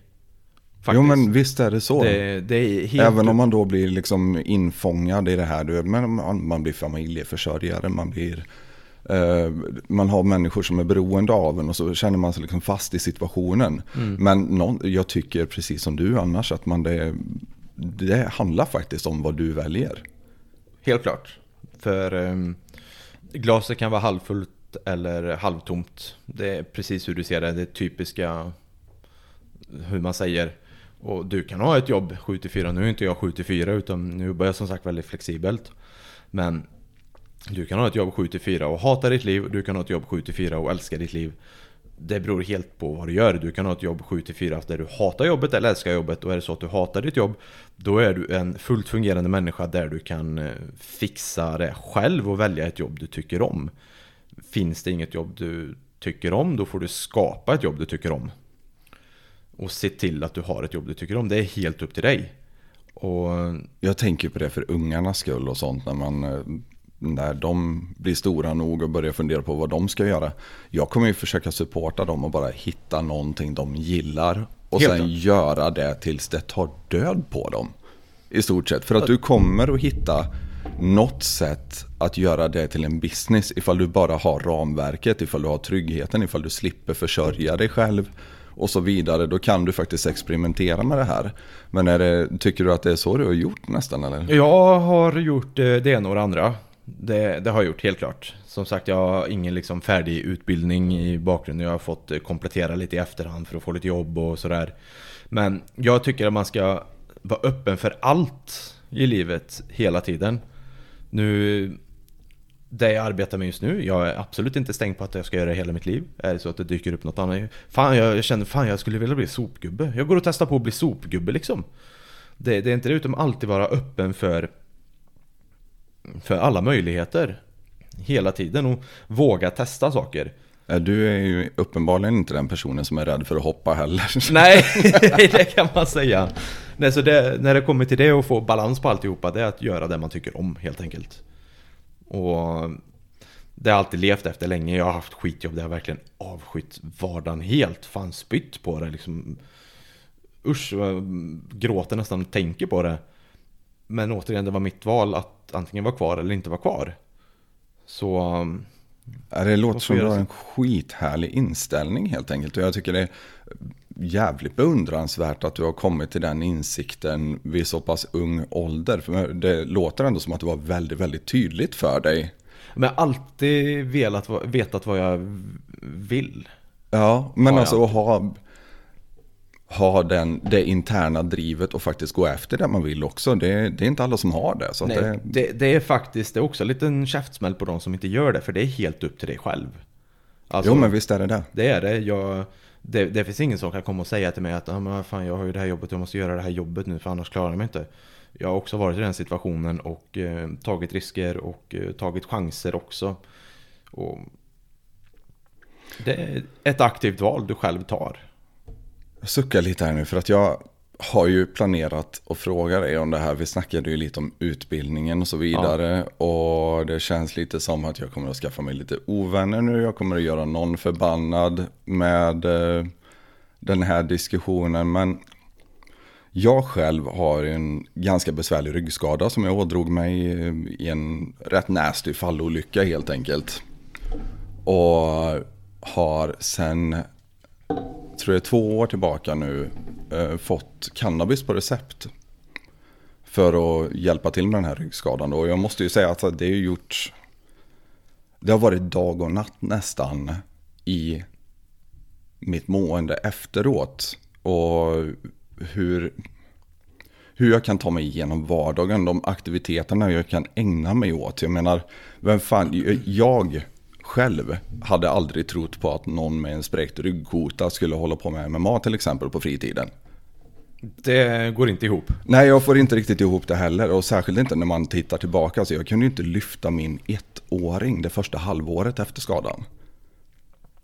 Det, man dog ju lite inombords eh, av det liksom. Men cannabisen har ju hjälpt extremt mycket där. Och i och med att jag har det på recept så är det ju också fullständigt lagligt. Det är utskrivet av läkare. Som en del av en smärtbehandling helt enkelt. Men du har en liten annan historia kring det här som jag tänker att du gärna får prata lite om. Det kommer ju till självmedicinering också, men eh, inte den lagliga vägen då. Jag förstår. Det, det har ju varit, det är ingenting utan inga konstigheter heller. Det är fortfarande liksom aktivt i livet på det här sättet. Jag brukar det inte men ingenting emot alls ändå. Snarare tvärtom. Helt positiv till det för att det, det är en helvetes jävla bra grej. Är det. För, Och även, alltså jag tänker även om det inte är en sju helvetes jävla bra grej. Även om den bara hjälper dig lite. så har den på pappret väldigt få nackdelar. Oh ja. Jag menar det är inte fysiskt beroendeframkallande, du kan inte överdosera och så vidare. Sen ifall du har fallenhet för psykoser till exempel, eller om du har bipolaritet i släkten så kanske inte cannabis är din drog. Men jag tror faktiskt inte att alkohol är det heller. Då är ju den ännu mer skadlig. För att den friterar ju verkligen hjärnan då. Men bakgrundshistorien är ju att jag har ju i och med att jag fick tabletter för mina diagnoser och det var ju det värsta. Alltså det är hemskt. Ja men det är ju amfetaminderivat ja, vi pratar om då. Det är ju amfetaminbaserat i tabletterna. Vilket om du ställer amfetamin bredvid cannabis så ser man ju bara på dem vilken som är naturlig och vilken som inte är naturlig. Och det börjar plussa ihop ett och ett. Så den sumpade jag istället då helt och valde istället att gå vägen med cannabis som eh, medicinering istället. Hur gammal var du här? Sen 15. Ja, ah, okej. Okay. 16. Ja. I princip. Och eh, funkade ju tusen gånger bättre. Alltså i princip allt man åstadkommit som är bra har man gjort påverkad av eh, cannabis. Ingenting under eh, de lagliga ADHD-tabletterna. Nu heter inte jag Martin Lundström för övrigt då, nu heter jag något annat helt plötsligt. Jajamän, absolut. Nej men... Nu är det Tjockdum som pratar. Ja, precis. På honom. Nej men som koncentrationssvårigheterna Visst, de funkar med eh, ADHD-tabletterna jag har fått utskrivet. ja, jag vill verkligen förtydliga här. Alltså, vi snackar inte skit om ADHD-tabletter. Nej, nej, nej. Alltså, vi, vi, det finns människor som behöver dem. Oh ja. Jag kommer förmodligen att påbörja medicinering med dem inom en rätt snar framtid också. För att det är ett tillskott som jag behöver. Och um, det, det är helt och hållet från person till person och hur läkarna sköter eh, medicineringen. Det är jätteviktigt med. Det var precis dit jag ville komma. Så att är, alla människor är inte lika. Så en jag säger inte att du ska gå inte för alla. Jag säger inte att du ska gå och röka braj nu. Nej, Bara absolut inte. Jag, vi får ja. vara tydliga med det. Utom min medicinering funkade inte alls. Utom det visst några veckor. Man eh, började bli lugn men du, du kallsvettas dygnet. Nu reagerade den så på mig då. Det är så min kropp tog den. Hur eh, era kroppar tar den, det är helt upp till eh, er. Men eh, min kropp tog det genom kallsvettningar dygnet runt. Kunde absolut inte sova. Sov kanske 2-3 timmar vissa dygn. Fick sömntabletter utskrivet för det. Och... så då ska du då ta något amfetaminderivat som är uppiggande och sen ska du ta sömntabletter för, för att, att dämpa sova. effekterna ja. av det. Precis, och sen var det prat om förbieffekter och få tabletter för bieffekter och alltihopa. Och då blir det tablett på tablett på tablett istället. Så jag valde, och sen, och sen utöver det så var min medicinering anpassad för då när jag vägde 110 kilo. Drog bort min aptit helt till eh, 95 kilo ungefär. Tror till och med 115 kilo från start. Vilket gjorde att jag fortfarande åt doseringen som var gjord för min originalvikt också. Så jag tog otroligt mycket sen. Och då funkade det inte bara så jag valde helt att sluta. Och eh, hade innan testat cannabis. Och nu tänkte jag att nu det kommer vara så mycket bättre för mig. Och det är ju det största förändringen någonsin. Du kan sova. Och du kan välja att vara lugn när du vill vara lugn och behöver fokusera. Och du kan välja när du inte vill det och du vill vara dampig helt enkelt. Och det på, den eh, behöver inte ta mycket för att bli lugn. Det räcker med pytte, pytte lite för att bara få det där lilla inre lugnet som man ibland kanske vill åt. Och detta påverkade min skolgång såklart. Det, är ju, det här är ju... Allt, allt som finns bakom har ju det här åstadkommit. Körkortet till exempel tog jag. Nu heter jag återigen inte Martin Lundström men körkortet för min koncentration i trafiken fick jag ta hjälp av eh, cannabis på. Så innan uppkörningen så fick man inta och eh, det underlättade ju som tusan. Alla prov som man har klarat hjälpte ju som tusan. måste vi bara förtydliga lite för jag antar faktiskt om jag killgissar här lite att du var ju då inte, hur ska man säga, psykiskt påverkad av Nej. cannabisen utan vi pratar en lätt dämpning av ångestnivån i stort ångestnivån, sett? Tänk, tankarna, fysiska lugnet också. Man får inte samma liksom impulser. Du får mer ro i kroppen. Och eh, du kan bibehålla ett bättre liv. Du får bättre livskvalitet helt enkelt. På den nivån. Jo men den, eh, den kan ju köpa. Ja, inte liksom gå runt eh, så hög du bara kan. Utan på en bra mild nivå. Där du får en fungerande vardag. Utan de här biverkningarna från tabletterna. Sen ska vi också nämna, bara för att vara riktigt tydlig, att det finns ju olika delar av cannabis också. Ja, Alltså det kan vara den icke psykoaktiva effekten med CBD som man vill Precis. åt. Och jag misstänker att det var den, den som var stor där i att lugna ner dig och ta ner impulserna och så vidare. bra input för att det är just den som är eh, den viktigaste. Ja, Och den påverkar inte ditt psyke alls egentligen på, på det sättet. nej den är ju inte psykoaktiv. Den kräver ju lite THC för att aktiveras. Självklart, men den lilla nivån påverkar ju inte dig. Utan den gör bara så att CBD aktiveras bättre. Och det ska också nämnas att CBD är fullständigt lagligt idag.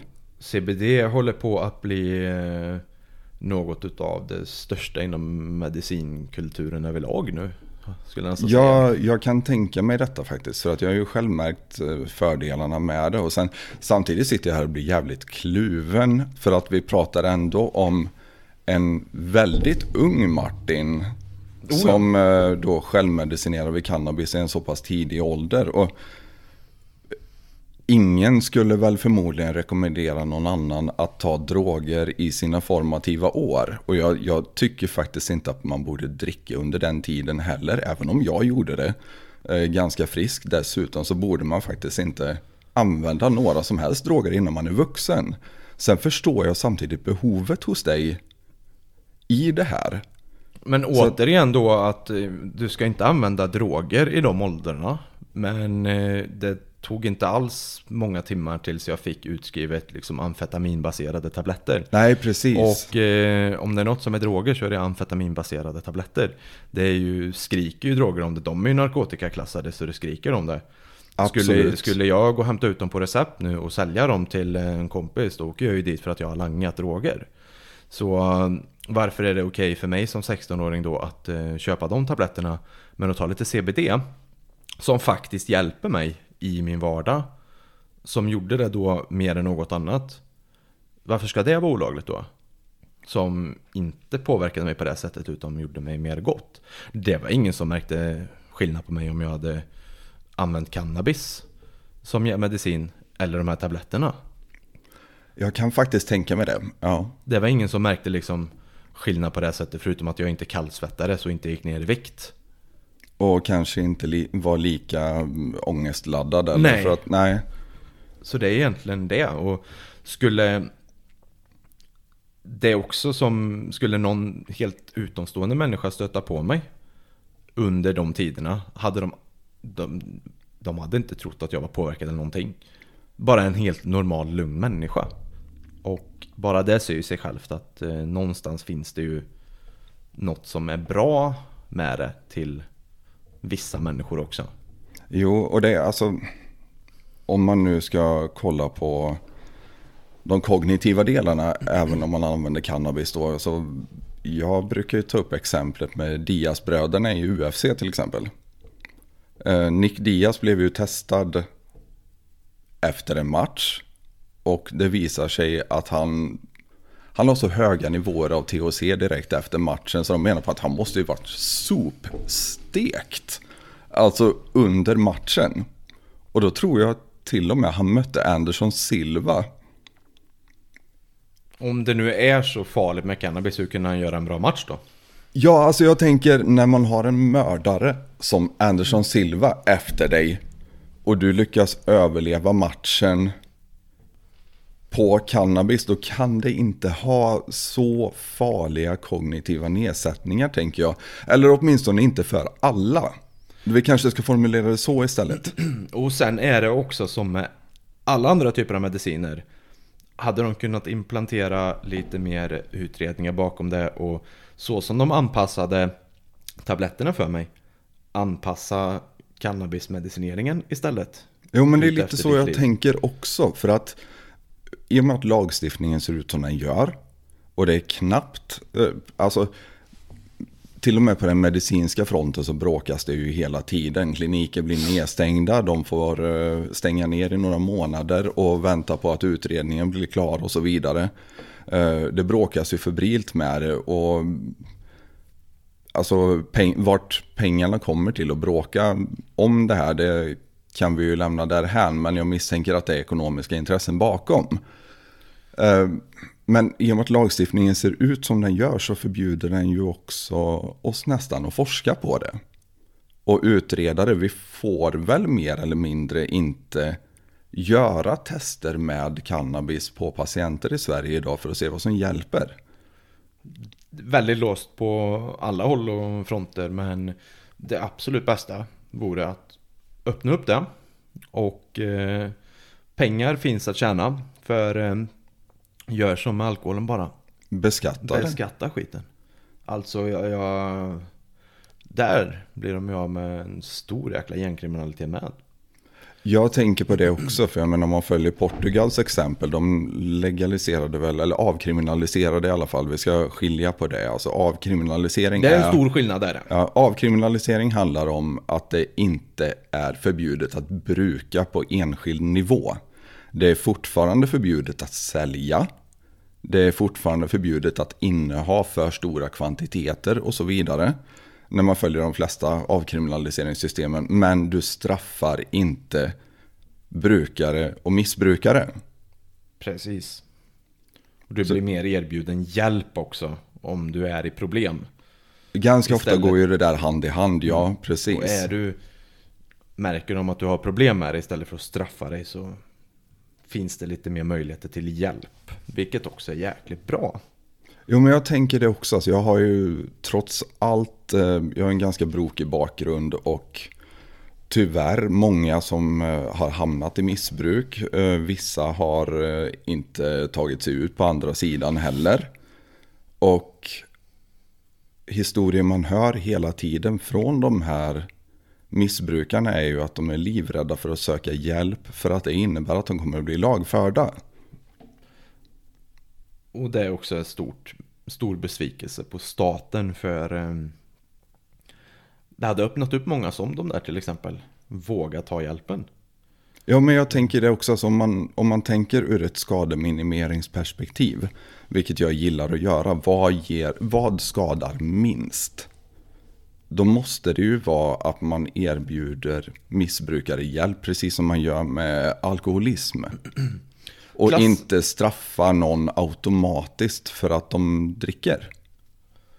Ja, För ska vi vara riktigt ärliga så är det den absolut värsta Alkohol Ja, En av dem i Ja. alla fall. Jag menar, Ja, kollar man dem. på statistiken så ligger den väl bakom 70% av alla våldsbrott till exempel. Precis Skulle det komma något nytt som accelererade våldsbrotten till den nivån som alkohol orsakar så hade vi ju aldrig tillåtit det. Nej Så där har vi egentligen det största problemet och... Nu, nu är jag en eh, konnässör och eh, tycker om alkohol. Ja, jag med! Ska, Ja, ska ja, tilläggas. Ja, Tog en öl igår kväll ja, precis. Men, Men eh, Det är ju där egentligen det största problemet är Att lägga fokus på På det istället för cannabisen Och eh, nu säger jag inte att cannabis ska vara fritt Helt fritt Utan Jag hade till exempel kanske inte känt mig supertrygg med någon som är superhög ska operera mig till exempel nej, jag vill inte ha en stenad pilot heller. Nej, Alltså, det, det är inte det jag vill få fram Utom eh, är det så att du, du, har problem, du har problem med ryggen du till exempel Det ska vara fritt framför dig Funkar det här för dig? Då är det det du ska ha Funkar det inte? Nej men då ska du inte ha cannabis då Då kanske det är något annat som funkar för dig Samma för mig nu Nu är det ingenting jag liksom har nytta av i dagsläget Och då använder jag ju det inte Men skulle det någon gång dyka upp Jag är i behovet av det Jag är inte den som vill gå hög på morfin dygnet runt till exempel ja, och det det- ställer ju till andra problem Ja. också med beroendesituationen och överdoser sker också Ja. väldigt lätt. Är det så att då istället några droppar CBD med eh, 0,2% THC hjälper mig då är det ju det jag ska ha och då vill inte jag gå någon jäkla utredning flera år för att få det godkänt. Då ska det vara att gå till apoteket och kunna köpa det. Jo, men jag tycker, alltså de delarna i alla fall, alltså, när det gäller CBD, det borde vara mer tillgängligt. Och jag tror det borde användas mer också. Jag är ju närstående till exempel med neurologiska sjukdomar. Och där man då ser utomlands att cannabis hjälper sådana här patienter väldigt mycket. Men i Sverige så är det liksom kalla handen rakt av från neurologin. Stenkört. Ja, Nämner ja. du det så blir du dumförklarad direkt. Du, du är en narkoman. Och polisanmäld och allt Ja, möjligt ja, ja, mycket för fan. mer. Kan vi prata lite om följderna som ditt... ehm, Då, det hela leder ju till att jag... fick, ja. Nu hade jag ju problem med skolgången på gymnasiet också, självklart. Det är väldigt svårt att missa. Folk som känner mig vet mycket väl om att jag varit väldigt bråkig utav mig. Samma på gymnasiet och ehm, då var det i... Började bli slutet på trean. Det var skitsvårt för mig. Eh, innan studenten och alltihopa. Så ska vi ha ett möte, planerat möte nu med eh, rektorn och mentor där vi skulle gå igenom hur vi skulle kunna trampas med sista tiden på läsåret och kunna ta studenter med godkända betyg och alltihopa.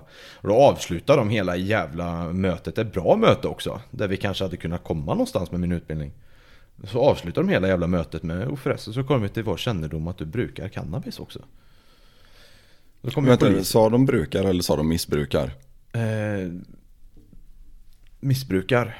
Jag misstänkte det. Ja, för att, eh, alltså, nej, inte brukar, missbrukar cannabis. Ja, eh, Ja. ja, för jag tror någonstans Att du ser man ändå... att du missbrukar cannabis. Ja, man ser ändå det som ett automatiskt missbruk om man använder cannabis, tänker ja. jag. Ja, Nu ser ju inte jag det som missbruk, det är nog därför jag säger det. För att jag, Jag ser förstår. det som ett bruk. Som att du brukar kaffe, du, du brukar pasta till lunch. Du, du brukar socker. du Ja. brukar inget missbruk, men då säger de det och eh, jag nekar det inte.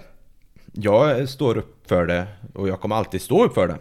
Är det någon som frågar mig vad jag tycker om det och är ärlig liksom. Det här är vad jag tycker om cannabis och det är super okej. Sen vad du tycker om det skiter jag fullständigt i.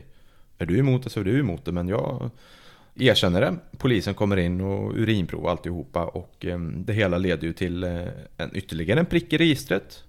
Indraget körkort och eh,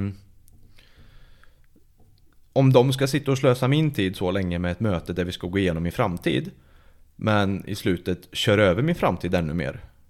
Alltså, de ska hjälpa mig men sen ska de förstöra för mig igen. Då, då tappar jag det. Då, där försvann min respekt. Och försvinner min respekt då är det ganska kört. Så jag, jag sket i det liksom. Då, då tänker jag nej, de vill Du avbröt skolgången jag där avbröt också. med en gång, jag kom inte tillbaka. Jag kom tillbaka en gång och det var för att lämna in skoldatorn. Och eh, då ville de ha möte med mig igen med rektorn och alltihopa. Men jag var bara snabbt in och snabbt ut för jag behövde dra iväg. Jag redan skaffat ett jävla lagerjobb och jag, jag bara pallade inte med skiten. Så istället för att hjälpa mig så avbröt de egentligen min skolgång då. För jag hade ju gått klart skolan om de inte gjorde sådär. Jag hade inga tankar innan på att eh, avbryta skolgången. Men det är ju lite där jag tänker det här också. För att om man då approachar det på ett annat sätt istället när det gäller missbruk. Som vi gör med alkohol till exempel. Så arbetsgivare måste ju erbjuda missbrukare vård. När det gäller alkohol. Man får inte bara sparka någon som har problem med alkoholen till exempel. Utan de erbjuds vård. Och hjälp med sitt missbruk då. Men när det gäller olagliga droger då så är ju approachen en helt annan. Och då är det lagföring som är viktigast helt plötsligt. Så hade man istället gått in där och erbjudit någon sorts vård, alltså jag kan ju tänka mig att det borde ge bättre effekt. Eller ja, Ja men å andra sidan så var det okej för mig att gå hur länge som helst som jag ville med att ta amfetamin. Det, Ja, det är okej. ja. Det är okej, men inte om jag tog någonting som faktiskt hjälpte mig. alltså det där är så svårt. Det, det är... em, Det, det är ett ämne som kan diskuteras hur länge som helst. Ja visst, men, Men, jag tänker eh, alltså vi- i Sverige vi har bland de mest restriktiva droglagarna i Europa. Och vi har förmodligen, absolut, sist jag kollade i alla fall så har vi väl högst narkotikadödlighet i hela Europa. är Alltså, det så jäkla... jag tror faktiskt det, alltså att vi har flest missbrukare som dör per capita i Sverige. alltså om man jämför med hela Europa och vi har bland de mest restriktiva lagarna. Så bara där känner jag det kanske är någonting som vi måste börja kolla över. Nu vet inte jag hur en sån lagstiftning kan se ut. Eh, Hur man kan tänkas lägga upp det. Men det verkar faktiskt inte som att nuvarande modell fungerar. Och när fan ska de inse det? Ja men det är en mycket bra fråga. Om det, Ja, det man kan kolla på så många olika områden också. Nu, som sagt jag misstänker att jag gör någon förbannad. Men alla de här pengarna då som går åt. Om man gör en liten snabb huvudräkning. De gjorde någon sån jävla konsensusundersökning i Aftonbladet. Eller Sensus kanske heter, vem fan bryr sig. Eh, Så pratar de om att var tionde svensk har provat cannabis någon gång under det senaste året. Det måste ha gått upp nu tror jag. Jo, men och jag tror det är ett enormt mörkertal Ja. också. För att jag hade aldrig berättat för eh, någon jäkla journalist att jag använde cannabis om jag gjorde det. Det hade aldrig hänt. Va? Men, så jag tänker att det, det diffar säkert en del där. Men om man bara tar de pengarna från var tionde svensk, alltså det är en miljon människor. Och sen att, att det är farligt och beroendeframkallande kan de faktiskt ta och köra upp för eh, Jag stötte på flertalet från till exempel Amsterdam Som där det är Säger du Amsterdam så förknippar du direkt med cannabis Flertalet därifrån som aldrig har rökt Eller Ja. som har rökt och inte gör det För att De vill inte, det är liksom inget beroendeframkallande Det funkar inte för dem, det funkar inte för dem, det funkar något annat Kanske. Ja, visst. Och det, ja, jag, jag blir inte riktigt klok på det Nej, här. man för blir aldrig eh, rätt utan det är alltid rynka på pannan och sen blir man bara förbannad till slut på hur det är. Ja, och sen har vi också den eh, faktorn då att när du har någonting olagligt så kan du inte reglera det. Det går inte. Du kan inte, sätta, du kan inte dra någon skatt till exempel på olagliga droger. Du kan inte, det går inte att reglera på något vis så länge det är olagligt. Utan du måste öppna upp lagarna lite för att kunna reglera. Och det är lite där jag känner också att vad fan, alla de skattepengarna som vi går miste om och alla de pengarna som faktiskt hamnar hos kriminella istället. För att någon kommer alltid att tillgodose efterfrågan tänker jag. Ja, den summan är brutal alltså. Ja, Jag vill inte ens börja fundera men alltså jag misstänker att vi pratar miljarder till statskassan. Varje år som vi nu istället ger till kriminella. Lär väl bli som vanligt. Sverige kommer att ta efter sen eh, resterande av världen har gjort ett beslut. Det kan mycket väl hända, men i, ja, i vilket fall så jag, jag kan inte komma över det här att vi borde kolla på sätt att minimera skadorna i alla fall. För att så som vi tacklar det idag med lagföring av missbrukare och så vidare så skapar du nästan fler problem än du löser.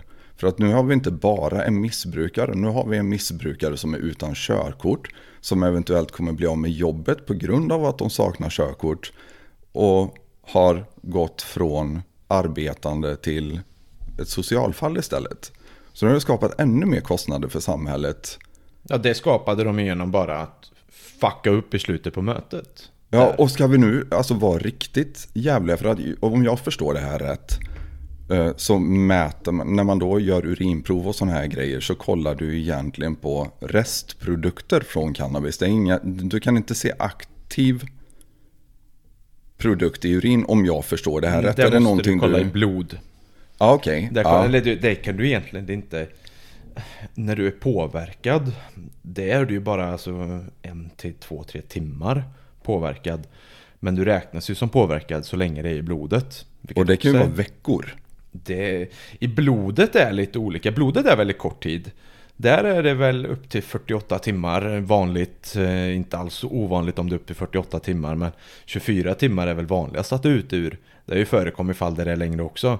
Men i blodet räknas det som, då är det aktivt. Men i urinet däremot kan det ju vara i månader till exempel.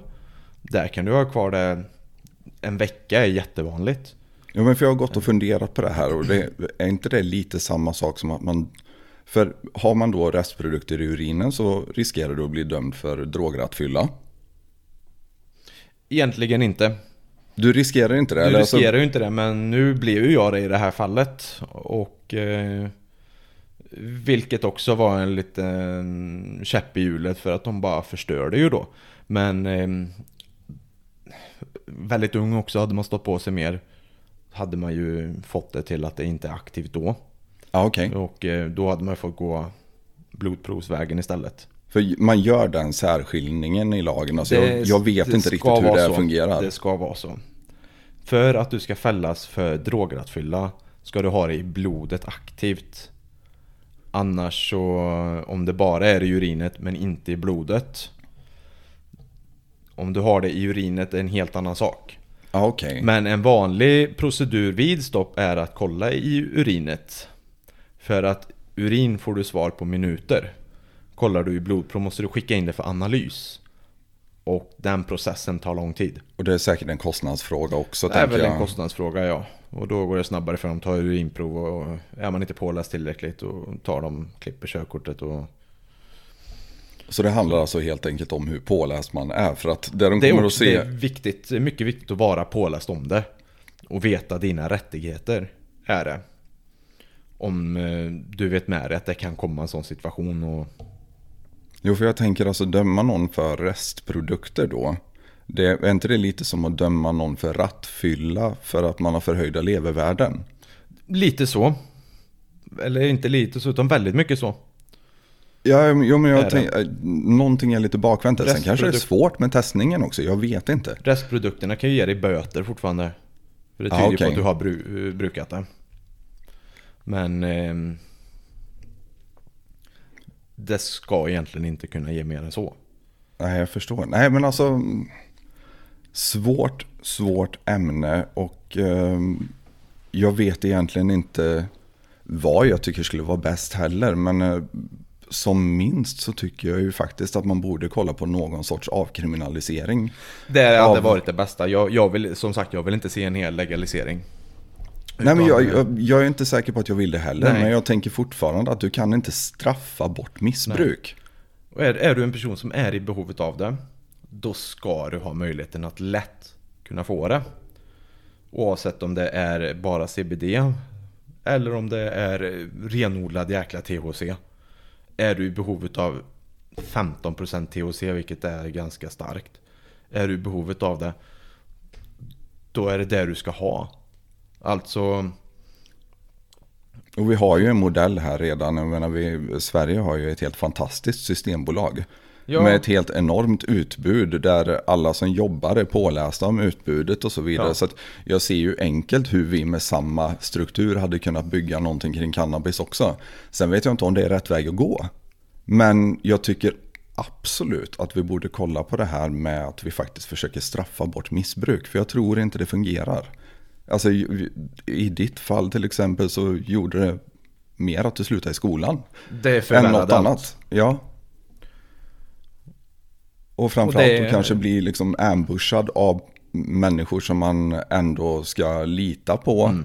Jag tror det är en tidsfråga tills det kommer bli mer aktuellt faktiskt. För nu börjar omvärlden ändå se det som ett alternativ. Senast Tyskland till exempel. Och eh, blir mer och mer.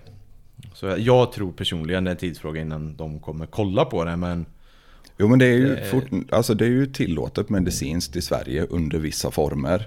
Men som det är nu så är det ju fortfarande en klassfråga det är ju till stor en del. dödsdrog fortfarande. Jo, och det kostar ganska mycket pengar att skaffa recept och alltså köpa medicin och så vidare. Så att det är fortfarande en klassfråga med medicinsk cannabis. Men det är tillåtet och läkare får skriva ut det enligt lag. Sen så kanske man har andra direktiv från sin vårdcentral där man jobbar eller vad det nu är. Eller från sjukhuset där man jobbar. Kanske man har separata direktiv att vi skriver inte ut något sånt. Men om jag förstår det rätt så får läkare enligt lag skriva ut det. Vissa, Okej. eh, så som jag har fattat det. Mm. Att, eh, inte vem som helst. Och det är en lång procedur alltså. Så som jag, för jag har kollat på det också. Och eh, kostsamt. Jo, och det, det är ju en ganska, jag tyckte det var en ganska rigorös procedur att hamna där också. För man måste ju också kunna påvisa att du faktiskt har provat annan smärtstillande medicin till exempel. Att du har provat opiater och att det inte har funkat speciellt bra. Eller att du inte har kunnat fortsätta med det eller ja. Det blir nästan bättre att flytta till ett ställe där det är lagligt. Jo men jag, vi har ju faktiskt eh, hört talas om cannabisflyktingar också. Alltså Japp. som flyttar från Sverige för att det inte är lagligt här och man behöver den behandlingen. Fullt förståeligt att det finns också. Ja men jag tänker det också att man får ju göra det som krävs ifall eller för att få den hjälpen man behöver. Oh ja. Sen som sagt, jag är inte helt säker på att det är rätt väg att gå och legalisera. Men eh, någon sorts avkriminalisering tänker jag i alla fall för att... Fan, jag bankar den här hästen död nu känns det som. Men jag tror inte att man kan straffa bort missbruk. Det är inte lösningen. Ingenstans. Jag har svårt att se det. Ja, alltså förlåt för den där diskussionen får jag säga. Alltså, det är jätte och stort Ingen tack fara. för att du är öppen kring det. För att många i liknande situationer hade inte pratat om det så pass öppet. finns Och- inget att dölja där utan gjort är gjort. Som sagt, har jag gjort någonting som jag sa i början när vi pratade, har jag gjort någonting då står jag för det. Har jag inte gjort någonting då står jag, då har jag inte gjort det. Om jag säger att jag Ägarskap. inte har gjort det. Ägarskap, det är jättefint. Så är det. Vad händer i framtiden? Ja, mycket, mycket bra fråga. Just nu är det ju fokus på jobb. Mycket fokus på jobb är det. Och eh, fokus på träning. Träning kommer aldrig vara ett så här, inga mål med träningen så utan hålla mig aktiv. Se någon gång kanske börja med kampsport igen. Fokus är ju huvudfokus återigen på jobbet och komma långt i karriären på jobbet. Sen är det ju självklart får vi se vad som händer med spelandet. Mm. Det är ju väldigt öppen bok där just nu. Man vet aldrig. Och börja streama, hur kan det gå?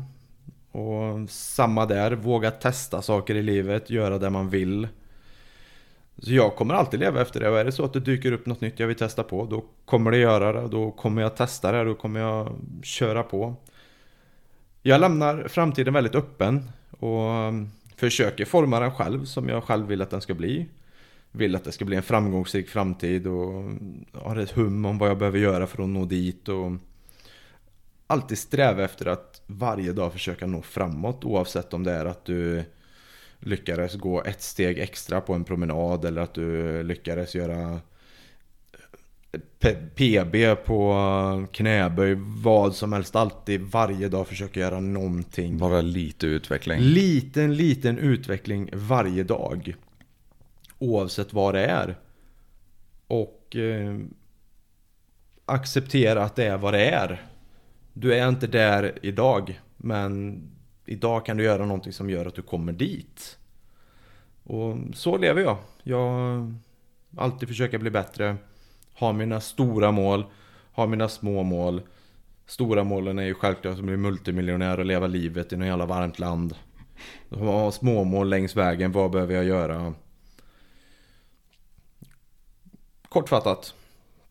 Helt. Skithärligt. Jag älskar att höra hur du är inställd till allting. Hur du tacklar saker med en sån skön positivitet och eh, men lite taggad kring utmaningen. Jag tycker om det där. Ja men jag vet att utmaning är eh, Efter en utmaning kommer en framgång Och jag, jag har hört ett quote för inte alls så länge sedan Det är att eh, Livet du vill ha Finns bakom uppgifterna du undviker Härligt. Det Satte sig som fan när jag hörde det Fan vad härligt. För tänk på det, livet du vill ha Det finns bakom uppgifterna du undviker Hur ofta blir du inte tillbakadragen av din comfort zone När du vet att det här behöver jag göra för att nå dit.